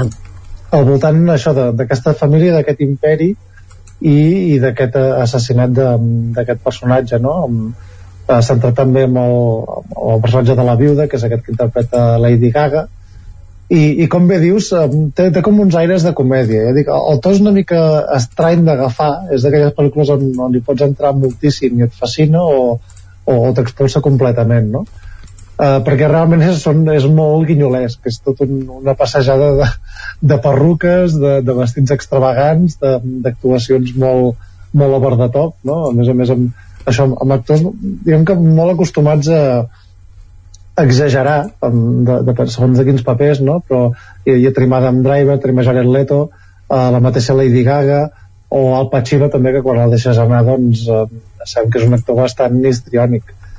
I, i bé, és una pel·lícula que, que funciona bastant bé eh, que és alhora molt excessiva i, i és això, ens quedem amb, amb la idea aquesta de, de que bé, el, el to és una mica estrany perquè passem molt de, de la comèdia al drama a, a la, de la seriositat a l'extravagància eh, i diguem que, que va trobant aquests camins per, per explicar aquesta història que, que alhora ja sabem que el món de la moda és molt, molt extravagant en si mateix uh, i bé, i aquestes històries que, que passen al darrere, ja sigui per, per gelos, per, per trifulques familiars, per temes de fama i riquesa, uh, doncs que uh, sempre hi donen aquesta salsa que, que enganxa bastant. Mm -hmm. No és la primera pel·lícula, eh, on, on hi ha la, la Lady Gaga fent d'actriu. No, no, ja em, em porta unes quantes de fet i, de fet diria que va estar nominada a l'Oscar per, per ha nacido una estrella, o sigui que, que ja té un, una petita trajectòria com a actriu, que de fet crec que va debutar amb, amb American Horror Story, amb, la, amb les sèries aquestes de, que són antologies de terror. Molt bé.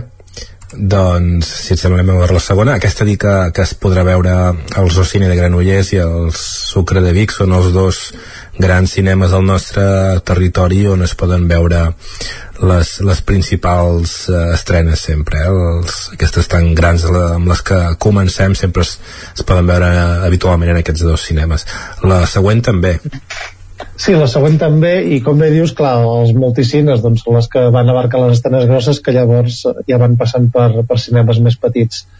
Uh, com és el cas d'aquesta segona, que és nova pel·lícula de, dels estudis de, de Walt Disney, um, en aquest cas uh, podem trobar similituds amb Coco, bàsicament perquè intenten obrir o expandir una mica l'univers de no centrar-se sempre a Estats Units o Europa, i en aquest cas ens traslladem a Colòmbia amb, amb una pel·lícula així diguem de caire fantàstic folclòric que es titula Encanto Hace muchos años, esta vela bendijo a nuestra familia con un milagro. Nuestra casa, nuestra casita, se llenó de magia. Hola, casita. ¡Pisos! ¡Cajones! ¡Todos juntos! Con el tiempo, cada miembro de nuestra familia... ¡Cecilia, eso, mano! Recibió su propio don mágico. Ajá, ajá. Sí, te entiendo. No soy súper fuerte como Luisa. Los burros otra vez se salieron. Ya voy. O divinamente perfecta como la señorita perfecta Isabela. Pero mamá, ¿por qué soy la única que no recibió un don? Eres igual de especial que cualquier otro en esta familia. Doncs ja tenim els ingredients principals, eh? Sí, és una, una pel·lícula um, ja dic que, que passa a Colòmbia uh, té, un, té un fet especial que és bona part de la pel·lícula uh, passa dins d'una casa perquè la casa és, és protagonista uh, és una, una casa màgica on viuen aquesta família que són els Madrigal uh, que a més a més tenen la peculiaritat que gràcies a, a viure allà doncs, tots els membres de la família doncs, uh, tenen un poder especial no? ja sigui força, poder de curació o de parlar amb els animals uh, menys, òbviament, la protagonista uh, que sembla que no té cap poder uh, i diem que la, la seva història doncs, serà la de salvar la casa no? doncs comença a entrar com en crisi comença a esfondrar-se um, i com salvar la, la màgia de la família mm. Uh, a veure, Disney uh, fa pel·lícules de, de plantilla uh, s'ha de dir, però uh, acaben sent pel·lícules molt seductores ja sigui per, per les cançons, pels colors per la qualitat de l'animació i en aquest cas ens trobem una cosa molt a, a l'estil de Frozen eh, que és aquestes pel·lícules fantàstiques diguem, amb, amb un viatge de, de buscar-se un mateix i eh, en el qual òbviament la, la màgia té, té un paper molt important i acaba tenint aquest missatge que, que Disney ja se l'intenta apropiar no? després de tants anys d'anar en contra que és de, um, de les dones al poder no? apuntant-se al carro de, dels codis morals que actualment doncs, imperen com a, diguem, com a bona gran corporació que, mm. capitalista doncs, que, que s'aprofita doncs, de, dels valors actuals no? Mm. Uh, de, tot, de totes maneres això és una pel·lícula molt seductora amb, amb molt d'encant, a més a més amb aquest punt més de riquesa folclòrica que té el fet de d'ambientar-se a Colòmbia ja, de, de fet, hi, ha, hi ha un punt interessant que és aquí ja sentim aquesta música que, que s'assimila bastant al, al reggaeton així d'entrada uh, i, i bé, és això és una pel·lícula òbviament per, per tota la família i, i que destaca pel que hem dit per aquest uh, punt folclòric mm -hmm. també cada vegada o amb, amb exemples com aquest costa més distingir Pixar de Disney, no? Perquè mm. aquesta la podia, podia dur el segell de Pixar i, i, i colaria, no? Sí, al, al final Pixar acaba tenint un segell més autoral um, no, no, sé, no, no tant a nivell argumental però sí que intenta buscar com, com històries on, on es pugui moure més la, la creativitat en, en l'animació. Al final el, el segell de Disney és més que, que hi hagi una tècnica impecable amb que les històries siguin més, més senzilles o més, més, assimil, més assimilables però que òbviament una s'influeix a l'altra ja que Pixar fa molts anys que, està, que és una marca dins de Disney i clar, hi ha professionals que, que es, van, es van movent en aquest entorn no? I, mm -hmm. i per bé o per mal doncs una va agafant de l'altra i per això tenim aquestes pel·lícules que, que cada cop s'assimilen mm -hmm. molt bé. Aquesta també la podem veure al Cine Granollers i el Sucre de Vic. No sé si va directament també a la plataforma Disney Plus o, o trigarà. No, en, en aquest cas arriba una mica, una mica més tard.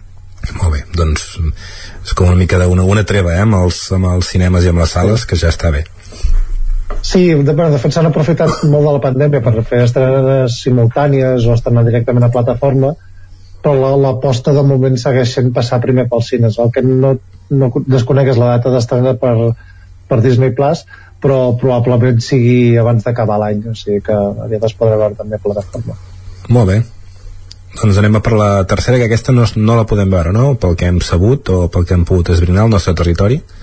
De moment no està cap cartellera propera, però la volíem destacar perquè és una pel·lícula potent, a més a més que anirà als Oscars, ja veurem com a finalista, com a millor pel·lícula de, de parla no anglesa, i, i perquè és la pel·lícula que, que va guanyar el, el Festival de Sitges d'enguany.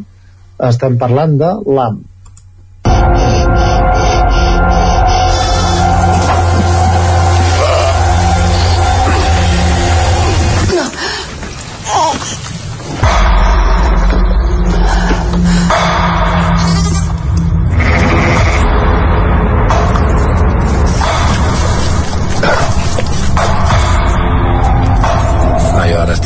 Enganxat i, i ara he descobert que clar que la gent, com que no hi ha diàlegs la gent només sent una música i una atmosfera Mm -hmm. en tot cas això veiem una, una ovella en un, en un, en un part i no, no veiem què però estan molt estranyats la, la parella que té la granja del que surt i de fet com la comencen a cuidar a casa i, i, i està com protegit com si fos un nen no veiem exactament el que passa per això.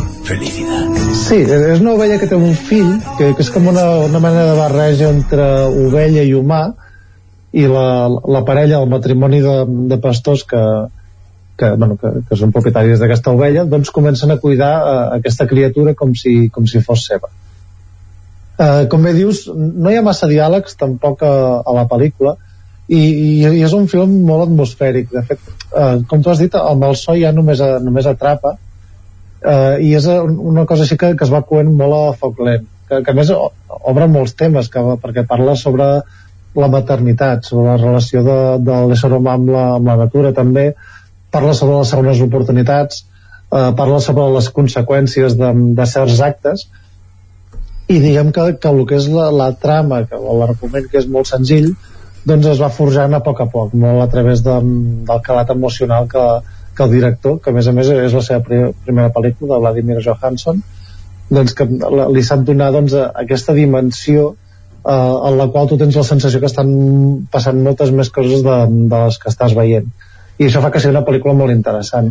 A, a mi em va decebre una mica en el sentit de, que crec que, que l'element fantàstic realment no, no suma massa, diguem que serveix per fer atractiva la proposta, per no que no sigui un drama familiar, però no suma realment a, a la pel·lícula, per mi, aquest, per mi aquest és el problema, tot i que hi ha gent que, que li encanta aquesta pel·lícula i segurament és d'aquestes que, que quedarà com a pel·lícula de culte que al llarg dels anys la, la gent l'anirà mencionant, sobretot si el director acaba desenvolupant una carrera eh, diguem que, pro, que prolífica però de totes maneres és una pel·lícula molt recomanable que si la podeu trobar en alguna sala de cine o si aviat s'estén en alguna plataforma doncs eh, és, és molt interessant de veure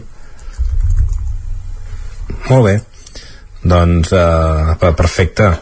I si et sembla anem a fer un repàs ja de la resta de la cartellera, començant per, pel Ripollès, pel cinema comtal de Ripoll, on hi fan dos col·legues i la gran bèstia. Mm -hmm. Mira, aquesta pel·lícula és una pel·lícula d'animació per tota la família que, que ve de Noruega. És mm. una aventura amb dos nois joves que viuen en aquest cas en un túnel. Uh, S'ha de dir que és una seqüela d'una pel·lícula que va tenir molt èxit a, a, al nord d'Europa fa, fa uns quants anys i, i ara venen amb aquesta segona part que òbviament no fa falta haver vist la primera però bé, uh, cinema d'aventures uh, d'animació per tota la família en aquest cas amb, amb segell europeu Mm. I, I recordar una cosa que fa unes setmanes quan va arribar el tràiler eh, vam reconèixer una veu, ens va semblar reconèixer una veu, vàrem demanar el del Ripollès, David Moreno eh, que és l'ànima de Horrorland i també conegut com a Moreno del Metal per la seva etapa també a, a Osona li vam enviar un missatge per demanar-li escolta, uh, ets tu? i ens va contestar i ens va dir que sí, si et sembla podem tornar a recuperar aquest missatge endavant Joan, Gerard, com esteu, macos? Escolta'm, que efectivament sóc jo, la veu del Ludibut, del Tutson i el Ludibut, doncs sóc el Ludibut, eh, hi ha el Roger el Moreno, doncs jo sóc el Moreno, eh, com jo, el, el Moreno. I, i res, eh, me'n recordo alguna frase de la peli que era mm, tipus... Ei, Tutson! Ajupa't, corre! Afanya't, que ve la gran bèstia!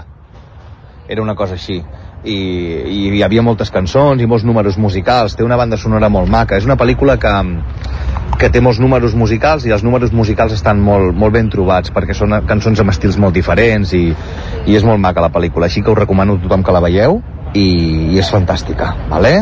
una abraçada gran doncs la, les dues pel·lícules de, de dos col·legues que, que hi podrem escoltar la veu d'en de, David eh, Moreno, la versió en català i no sé si en la de castellà suposo que sí, però bueno, com que aquesta es farà en català eh, estem mm -hmm. segurs que sí a Ripoll també s'hi pot eh, veure El buen patrón Sí, pel·lícula de la qual ja vam parlar, dirigida per Fernando León de Aranoa i protagonitzada per Javier Bardem, no? Una mica aquest eh, revers eh, tenebrós i alhora còmic de, del que eren els lunes al sol en aquest cas eh, centrada en la figura de d'un empresari que, que comença a tenir problemes a la seva fàbrica justament quan li han de venir a fer una inspecció no?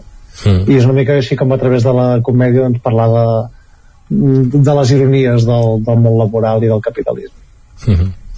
Molt bé, Cinema Catalunya de Ribes, En Tierra de Hombres i Dune Sí, en, en Tierra de Hombres és una, una pel·lícula que, uh, que, que es projecta justament el, uh, aquest dijous en, en, el dia de, contra la violència contra la dona i és una pel·lícula de, de l'any 2005 protagonitzada per Charlize Theron. Perdó. Uh, que, que és d'aquestes pel·lícules uh, que a mi no m'agrada especialment perquè són molt pamfletàries tot i que el missatge és positiu. Diguem que el que és a nivell purament narratiu o cinematogràfic no, no són massa d'interès perquè busquen molt la llàgrima, busquen molt el drama i, i són molt evidents mm. eh, tot i així és una pel·lícula que en el seu moment va funcionar bastant bé eh, va tenir tant nominacions als Globus d'Or com als Oscars no? perquè és un tipus de pel·lícules que també enganxa bastant a, a, a les acadèmies eh, i és una mare soltera que, que se'n torna al seu poble natal per treballar a la mina de ferro en un, en un món i un ofici que només el fan homes no? i és com la seva croada eh, per sobreviure en aquest context tan difícil molt bé, i de Dune no sé si cal parlar-ne no, perquè crec que ja l'hem mencionat diverses vegades i ja està mm. corrent bastant per cines mm. i és això, gran epopeia de, de ciència-ficció adaptant uh, la, la popular saga de, de fantasia per, per actualitzar potser informació diria que primer que, que us vam comentar que sortiria un llibre en català, la traducció en català del llibre i crec que, que això ha passat aquesta setmana finalment. I també que jo diria no sé si tens informació tu que, que s'ha s'ha mm, fet oficial que hi haurà segona part. Sí, eh, certament es va confirmar la segona part. Eh, és veritat, està bé recordar als oients que, que, és, que això és una primera part que veuran una pel·lícula incompleta tot i que dura gairebé 3 hores. Um, i que de fet la, la van rodar sense tenir clar si, si farien la segona, com a mínim a nivell de, dels estudis que la produeixen però al final ja han confirmat que sí que hi haurà segona part. El que està en dubte és si és l'última o encara en trobarem una tercera. Mm. molt bé. I el casal Camprodoní, Mediterráneo Sí, pel·lícula de la qual hem parlat també. Eh, és aquesta pel·lícula sobre el naixement de d'Open Arms eh, protagonitzada per Eduard Fernández i, i Dani Rovira eh, i és d'aquestes, bueno, una, una pel·lícula que, que busca molt el realisme, la cruesa doncs explicant una situació de, de crisi al, al Mediterrani eh, que ha funcionat bastant bé a, a la taquilla i, i bé, ara tenim l'oportunitat de, de rescatar-la a Camprodon a l'Esbarjo de Cardedeu First Cow.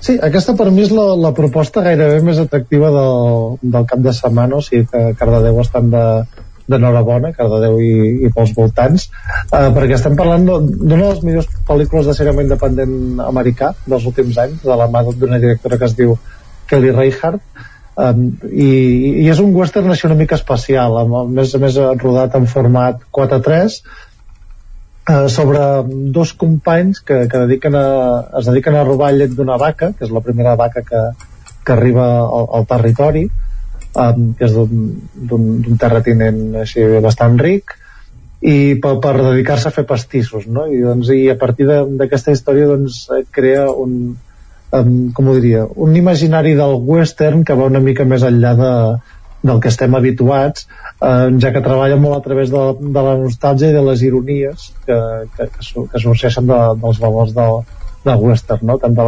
l'amistat, la, la confiança, la desconfiança, la relació entre rics i pobres, la manera de guanyar-se la vida, no? la relació entre la violència i la pau.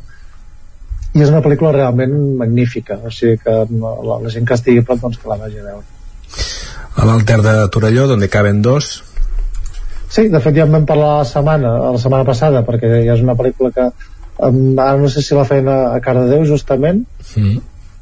i és aquesta comèdia d'enredos eh, espanyola on, on té molt a veure doncs, la relació de parella, la sexualitat eh, també les relacions d'amistat que és així una comèdia bastant cafra amb ecos de, de Reseco de Las Vegas mm. i de fet també fan aquesta mateixa pel·lícula al Casal de Gràcia de Manlleu mm. o sigui que a Osona toca anar a veure cinema espanyol de comèdia molt bé, o no, però vaja uh, hi, ha, hi ha opcions per fer-ho uh, sí, sí Gerard, moltíssimes gràcies una setmana més i parlem la, la setmana vinent.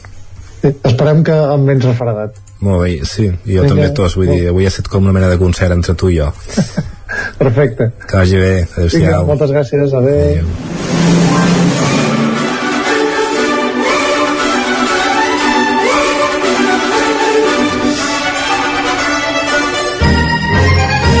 Doncs Joan i Gerard, moltes gràcies una setmana més per parlar-nos de cine i cuideu-vos tots dos, ja ho veiem que, i, ara i això s'encomana Arribats a aquest punt, anem acabant el Territori 17 i avui ho farem amb música. Amb música, avui 25 de novembre, Dia Internacional contra la Violència vers les Dones, de la mà d'una banda molt femenina, d'una banda de noies, de dones, que són Roba Estesa i amb elles escoltarem una de les cançons del seu darrer treball d'aquest 2021 que porta per títol Les nenes. Sí,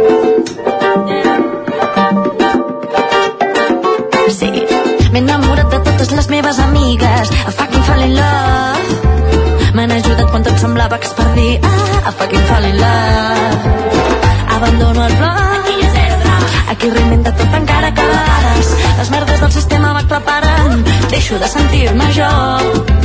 La lluna em consola quan tot va fatal. Sap que estic angoixada i no estàs natural.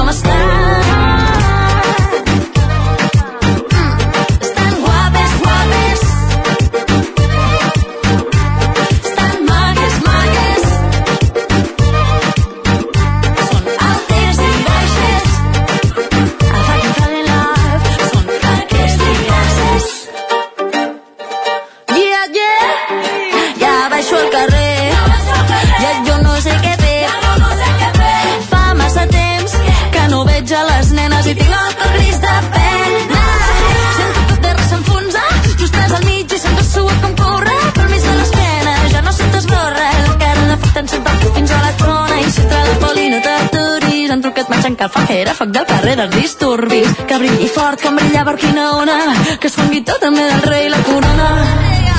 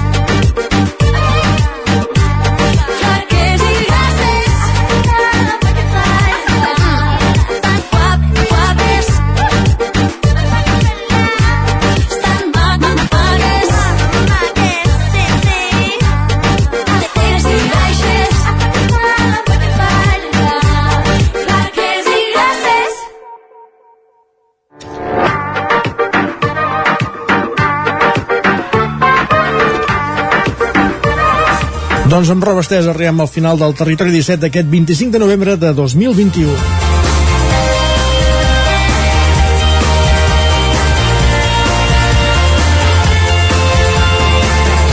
Us hem acompanyat des de les 9 del matí Caral Campàs, Pepa Costa, Òscar Muñoz, Guillem Sánchez, Guillem Freixa, Guillem Rico, Maria López, Núria Lázaro, Jordi Soler, Isaac Montada, Joan Garcia, Gerard Fossa, Jordi Sunyer i Isaac Moreno. I tornem demà, a la mateixa hora, a partir de les 9 aquí al Territori 17. Que vagi molt bé aquest dijous. Adéu-siau.